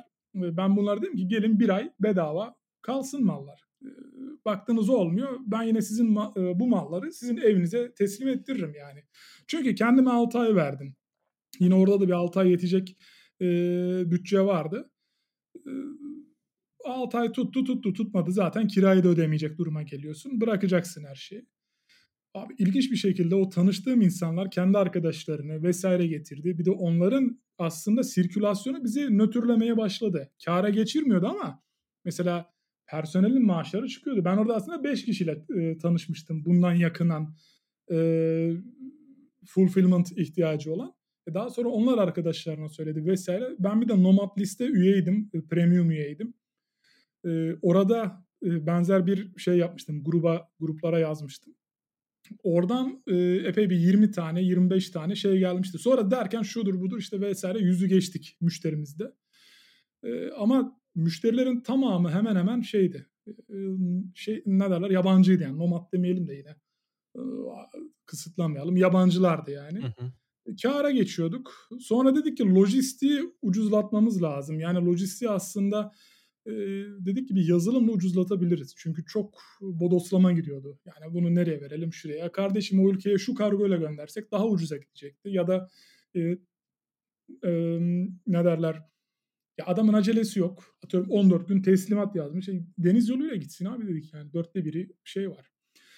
E, ardından Türkiye'de yine burnout olmuş, depresyona girmiş. İşte saç sakal birbirine karışmış arkadaş vardı yazılımcı. dedim ki gel buraya e, şey yap hem bizim bir projemiz var. Ya dedi proje falan istemiyorum. Dedim gel buraya öyle değil kafayı toparlarsın. Onu çağırdık. E, geldi adamı bu sefer bir ay toparlayamadık. Yani evinde çok uysal yaşayan bir adam. Bu hiç akşam 8'den sonra evden dışarı çıkmayan adam. Birden şey oldu yani bulamıyoruz bunu mesela. Gece hayatına daldı. İşte arıyoruz telefona bakmıyor. İşte 2-3 gün hiç ulaşamadık. Polise haber verdik. İşte dedi ki sizin yüzünüzden ben hayatımı yaşayamayacak mıyım falan böyle vesaire. şey, yani, en son bir ay sonra dedi ki abi ben duruldum dedi. Okey dedi. Yani hevesimi aldım ama akşamları takılırım yine okey. E, anlattık falan filan. Bunun da verisini sağlayan bu API'ını veren firmalar var uzak doğuda. Mesela lojistik API'larını veriyor. Ee, uzak doğu o yönden de çok şeydir Asya Pasifik. Ee, çok farklı dataları e, alabileceğin şeyler var. Sadece data hizmeti veren firmalar var. Neyse birkaç firmadan şey aldık. Abi bu sefer de firma her bir API'de bir sorgu gönderdiğinde adam sent yazıyor yani. Yani bunu da kâra geçirmek lazım vesaire derken onu bir SaaS projesine çevirdik. Yani e, biz kendimiz kullanalım, kâra geçirsin lojistiği okey. Kâra geçirdi bizi. Bu sefer bunu duyan yandaki komşular hem atölyeler hem diğer depolar bizden istedi. E, biz de kimisine yani kabul etmesinler de 500 dolar dedik. Kimisine 1000 dolar dedik aylık. Adamlar dedi ki o süper alırız. Yani öyle deyince onlara da bu sefer o SaaS projesini satmaya başladık. Hı hı. E, velhasıl bunu şöyle e, sonuçlandırayım. E, Flash Express diye Tayland'da bir unicorn var. Tayland'ın ilk unicornlarından. E, onlar dedi ki biz o dönem unicorn olmamıştı sanırım. Biz dedi seri satın almaları yapıyoruz. Fulfillment depoları e, ve lojistik e, hizmetlerini vesaire. Küçük lojistik firmaları da var. Onları da alıyoruz. Kurye firmaları vesaire. E, sizi de dedi bir görüşme yapalım. Neyse görüşme yapacağız. Bu arada böyle bir mail gelmişti. Gelen maili arkadaşım bunlar sahtekar diye okumuş cevaplamamış. o yazılımcı arkadaş şu arada. ya, dedim ama burada sahtekarlığı nasıl? Abi diyorum ya Flash Express falan baktım yok sizi satın almak istiyoruz falan. İnandırıcı gelmedi bana dedi. Orada şeyi fark ettim bu arada. Bu gibi mailler abi teknik tarafta çalışan adama düşmemeli. Yani hı hı. o direkt bana gelmeliydi. Onlar da tutmuş info atmış kardeşim. Yani orada şey var halbuki yönetim maili ayrıca vardı bizde. Oraya atabilirlerdi. E, neyse görüştük ben cevap yazdım falan. E, fulfillment depoyu elden çıkardık güzel bir paraya. Ben şey dedim ya bu para bize yeter abi yani ömür boyu yeter. Sat, yani hiçbir şey yapma yeter. Sonra dediler ki ya sizin bir lojistik hizmetiniz varmış biz onu da alacağız. SaaS projesi ama bir şart var. Bu sistemi hani yazan ekip bizim ekiple 6 ay birlikte çalışacak. Hani devir, kaynak kodlar, sistemin nasıl çalıştığı vesaire gibi. Dedik zaten onu bir kişi yaptı. o 6 aylık bir anlaşmada onu da arkadaş da oraya postaladık. Bu arada hala kendisi Flash Express'te yazılım kadrosunda çalışıyor. Sanırım team lead oldu o da. Bilmiyorum. Onunla da uzun zamandır görüşemedik. Onun da hayatı öyle bir değişti yani. E derken şey dedik yani onu da sattık. E, exit ettik. E, jargon e, jargonla kullanırsak. E bu sefer dedim ki abi bu ben hiçbir şey yapmasam da bu iş yani yeter bu para bize. Arkadaşlarla konuşuyoruz da işte alışkanlık duramıyorsun. E, duramadık. Yine e, başka işlere ufak tefek e, girişmeye başladık. Onlara geleceğim abi. Ee, ondan önce şimdi biz iki saat oldu. Bayağıdır konuşuyoruz. Ben bayağı biliyorum Seyfettin'in de suratı sürekli gülüyor. Biz eğlenerek dinliyoruz senin bütün hani Eyvallah. Ben de hay- hayat hikayeni diyorum, girişimcilik hikayeni hani yaşadıkların falan bayağı ilginç muhtemelen hani çoğu ikimizin de muhtemelen çok fazla e, dinlemediği bir hikaye. E, stok fotoğrafçılıktan çok fazla bahsettin abi. Sen e, bu pasif gelir olayına biraz kafa yormuş birisin çok uzun süredir. E, ben onu merak ediyorum. Stok Aynen. fotoğrafçılığı ilk nasıl başladı? Eee, ve nasıl hala sürdürebiliyorsun? Nasıl para kazanabiliyorsun hani? Ya şöyle, eee, aslında stok fotoğrafçılığın başlama tarafı da tamamen manevi bir tatminle başladı. Ben yine hem beyaz yakalıyken hem de ayakkabı işine ilk girdiğim zamanlarda da zaten, eee, ilerletiyordum ama asıl olay beyaz yakalıyken başlamıştı. Eee, yine fotoğrafa merakım vardı. Yani ilk maaşımla yine gidip kamera falan almıştım böyle.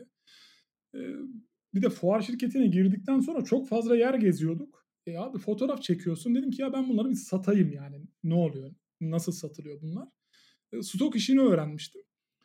İlk şuradan fark ettim ya birisi senin fotoğrafına tamam 1 dolar düşüyor bazen 50 sent bazen 30 sent düşüyor falan ama aylık e, çok sirkülasyon fazla olunca belli bir portföy sayısından sonra sirkülasyon çok artıyor e, tatlı bir para gelmeye başlıyor. Ama beni asıl oraya çeken şey manevi hazzıydı.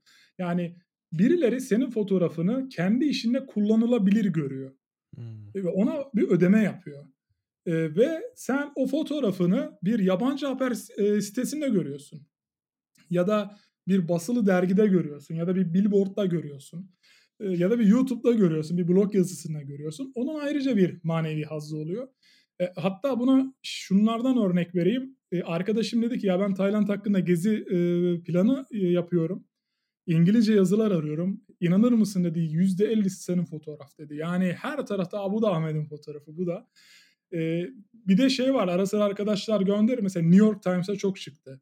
Reuters'ın bir bazı haberlerinde çok çıktı ki Reuters kendi muhabirlerinden zaten o fotoğrafı alan bir şey olmasına rağmen, ajans olmasına rağmen Çin medyasında bayağı haberlerde kullanılıyor. E, görüyorsun hoşuna gidiyor. Manevi bir hazzı var. E, bu bir de dolar bazında getiren bir şey. Çünkü 5-6 ajansa birden yüklüyorsun. Ve portföy yükseldikçe aslında e, tatlı bir getirisi oluyor. Mesela tatlı getiriden kasıt nedir? Ben şu an söyleyeyim. Benim e, 6 ajansı 5'e düşürdüm onu. Sadece fotoğraftan gelen 5 ajansın toplamı benim aylık 400 dolar civarı.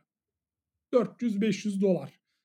Bazen mesela yazın çok düşer. Yazın 250 dolara düştüğü olur. Mesela Ağustos ayı çok diptir. 5 ajansın toplamı. Bizim millet şunu yapıyor bazen. Şu hataya düşebiliyor. E kardeşim ben Shutterstock'a yükledim işte 2000 fotoğrafı geçtim. Aylık bana 40-50 dolar geliyor, 30 dolar geliyor. İyi de abi sen o senin ürünün. Sen o ürünü birden fazla pazar yerine koy. Yani o ürün sende zaten var. Niye sadece Shutterstock'a yüklüyorsun ki? Asıl olay orada diğer büyük ajanslara yüklediğinde değişiyor. Bir de extended satışlar oluyor. Bir fotoğraf yeri geliyor 100 dolar bırakıyor, 80 dolar bırakıyor. E, o tarafta da stok videoya kayıyorum yavaştan. Hmm. Pasif gelir benim şu an e, hayat tarzım 3 e, gelir kanalından oluşuyor. Bir tanesi pasif gelir. E, bundan vazgeçemiyorum. E, hastalık oluyor, bir bağımlılık oluyor. Madde bağımlılığı gibi bir şey benim için. E, diğeri e, fiziksel ürün ihracatı. Yine satacağına inandığım bir ürün varsa ve onun pazarını tahmin edebiliyorum. Hangi ülkeye gideceğini, hangi şartlarda lojistiğine çıkacak ve nasıl satılır. Bunu tahmin edebiliyorum. Buna girişiyorum. Diğeri de daha çok işte böyle ne derler bizim ortak arkadaşlarla yabancı arkadaşlarla daha çok bir şey vardır. Ya derim ki şöyle bir fikir var. Şöyle bir ortada solution var, bir ihtiyaç var. Bunu ben pazarlarım diyorum.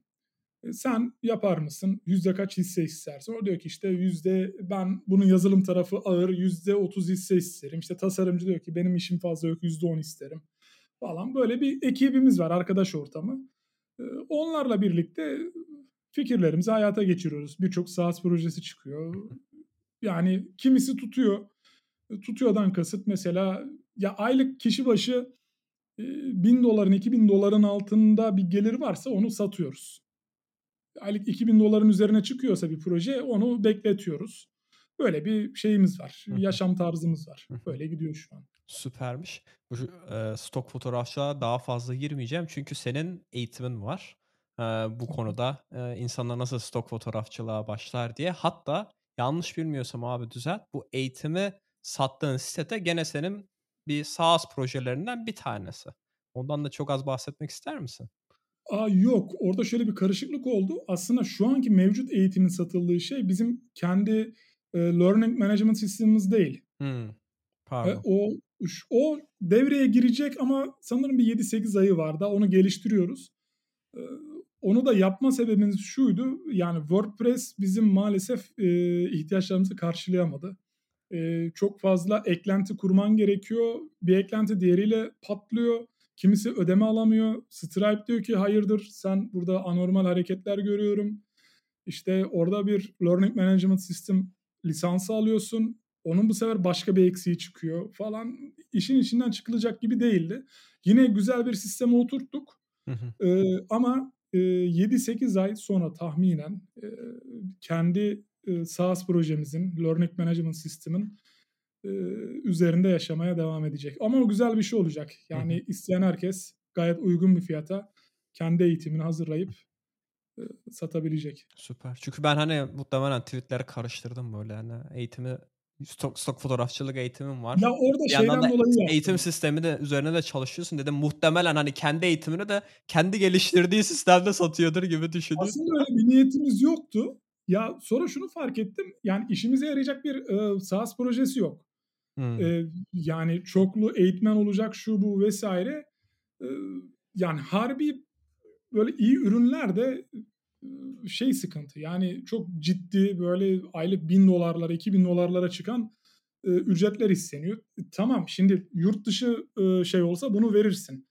E, ama Türkiye'de zaten onu yani şeye gerek yok. O kadar kaynağı ayırmaya gerek yok dedik ki eğer biz bunu sıkıntı yaşadıysak, bu ihtiyacı gördüysek başkaları da büyük ihtimal bunu yaşıyor, görüyor.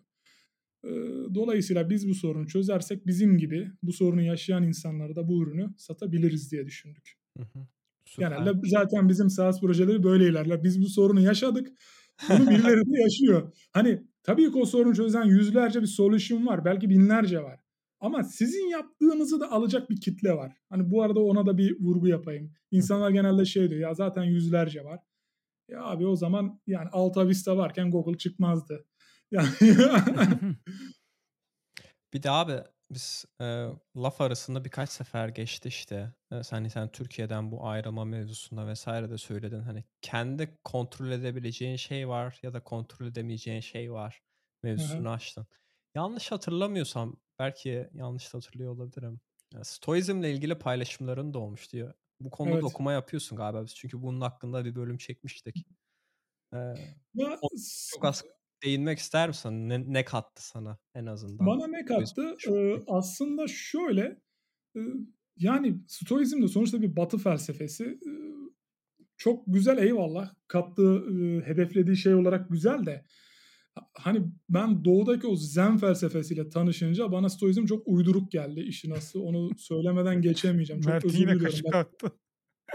Yani e, ya şöyle bir şey diyeceğim. E, bu arada çok bence güzel bir konu açıldı. Ben hiçbir zaman Batı ile Doğu'yu rakip görmüyorum. Birbirinin tamamlayıcısı bunlar. E, Batı olayın mantığını ve mekaniğini açıklıyor. Doğu ise sadece gözlemliyor ve deneyimini aktarıyor. Yani şöyle bir şey vardı. Mesela e, örneğin meditasyon hani uzak doğudan çıkmış bir şey. Asya'dan çıkmış bir şey. E, şimdi Avrupa'dan aslında hani Batı e, felsefesine ya da Batı düşünce dünyasından böyle bir şey çıkmıyor. E, niye? Çünkü aslında uzak doğu olayı gözlemleyerek yani hayatı e, hayattaki deneyimleri gözlemleyerek bir yol buluyor. Yani o orası için örneğin şimdi meditasyonun nörolojik tarafını e, bilim bize açıklıyor. E, bilim bize açıklıyor bugün nasıl hani beyinde nasıl bir etkisi olduğunu vesaire. Fakat doğu geçmişe gidersek hani bunun nasıl olduğuyla değil de bak böyle yaparsan işte zihnini ferahlatırsın. Hani olayın bu tarafıyla ilgili. Şimdi Stoizmi de gelirsek e, aslında Kıbrıslı Zenon'la ben orada bir bağım vardır. O da e, Stoacının hani biliyorsun babasıdır Kıbrıslı Zenon. E, gemisi battıktan sonra e, e, yani ünlü bir tüccar aslında iyi bir o dönemin zenginlerinden e, gemisi batıyor her şeyini kaybediyor. Bir rivayete göre kendisi de zor kurtuluyor e, gemi o fırtınadan. E, ve bu şeyi düşünüyor. E, ya bu kadar iyi gemiler vardı. iyi gemiler yaptırdık. Her şeyi önlemini aldık ama niye böyle oldu falan gibi. Zaten o hikayeyi biliyorsun. E, ben de şeye benzetirim abi. Benim elimde olmayan sebeplerden hani benim işlerim niye batıyor falan. Kıbrıslı Zenon'la o yönden bir benzer hikayemiz var gibi geliyor bana. Benim de aslında travma sonrası yükselişi biraz ona bağlıyorum. Büyük ihtimal acaba Kıbrıslı Zenon'la mı travma sonrası yükseliş yaşadı da mutluluğu keşfetti bilmiyorum. Ee, ya Stoizm başlangıç için güzel bence. Ee, ama şöyle bir şey vardır. Batı felsefesine baktığında ki ben Stoizmle çok ilgili kaynak okudum, kitap okudum. Aurelius'un hayatını okudum. Aurelius'un notlarını üzerine düşündüm falan. Ya şuna gelirsek hani kontrolünde olmayan şeylere takılma. İyi de nasıl? Yani güzel kardeşim takma kanka demekten ne farkı var bunun? Yani şimdi Batı felsefesinde bunu söylüyor. Diyor ki bak kontrolünde olmayan şeyleri çok işte düşünme, kontrolünde olan şeyler üzerine bir zihinsel egzersiz yap. Ama doğuya gittiğinde bunu sana egzersizle biraz zihnine işleniyor. Hani meditasyonlarla, telkinli meditasyonlarla ya da o ilginç öğretilerle, zihinsel jimnastiklerle, nefes egzersizleriyle orada bambaşka bir olup çıkıyorsun. Aslında dediğim gibi yine birbirinin tamamlayıcısı. Yani orada işin mekaniğini, mantığını öğreniyorsun batıda. Doğuda o işin deneyimini, etkisini ve egzersizini öğreniyorsun. Birbirinin rakibi değiller. Birbirinin çok güzel tamamlayıcısı ikisi bence. Peki abi bize 2 saat 12 dakika ayırdın. Vallahi konuşmadığımız konu kalmadı herhalde. Bayağı ülke ülke gezmiş gibi hissettim ben kendimi şu anda. Seyfettin de muhtemelen benzer duygular içerisindedir. Aynen. Bilmiyorum Seyfettin senin merak ettiğin, sormak istediğin bir şey yoksa yavaştan bölümü Yok kapatalım güzel, istersen. çok güzel, çok keyifliydi. Zaten Asya'ya gidesim vardı. Tekrardan bir tetiklenmiş oldu. Ailecek gitmek istiyorum bu sefer. Malezya'da yaşadığım yerleri falan da görsünler istiyorum. Ben 6 ay kadar yaşadım böyle. Çok uzun değil ama yine de çok benim eee, karakterime çok etkisi olmuştur yani Asya'da yaşamak. Ya, ııı, oraya gidip de pek, ııı, yani değişmeyen insan çok azdır Hı hı. ya. Yani çok ön yargılı gitmiyorsa insan ki ben ön yargılı gitmiştim yine ya da böyle aman yarabbi işte bu ne böyle falan demiyorsa, sakin bir modda gidiyorsa mutlaka bir şeyler kapar oradan yani. Kesinlikle. Süper o zaman. Abi bize bu kadar zaman ayırdığın için, eee, konuk olduğun için ben çok teşekkür ederim. Ben teşekkür ederim davet ettiğiniz için. Eee, keyifli bir sohbetti benim için de. Eee, bu arada, ııı, bugün biraz çok yorgundum. Sesim bazen pürüzlü çıkmış olabilir. Bu yorgun. Eee,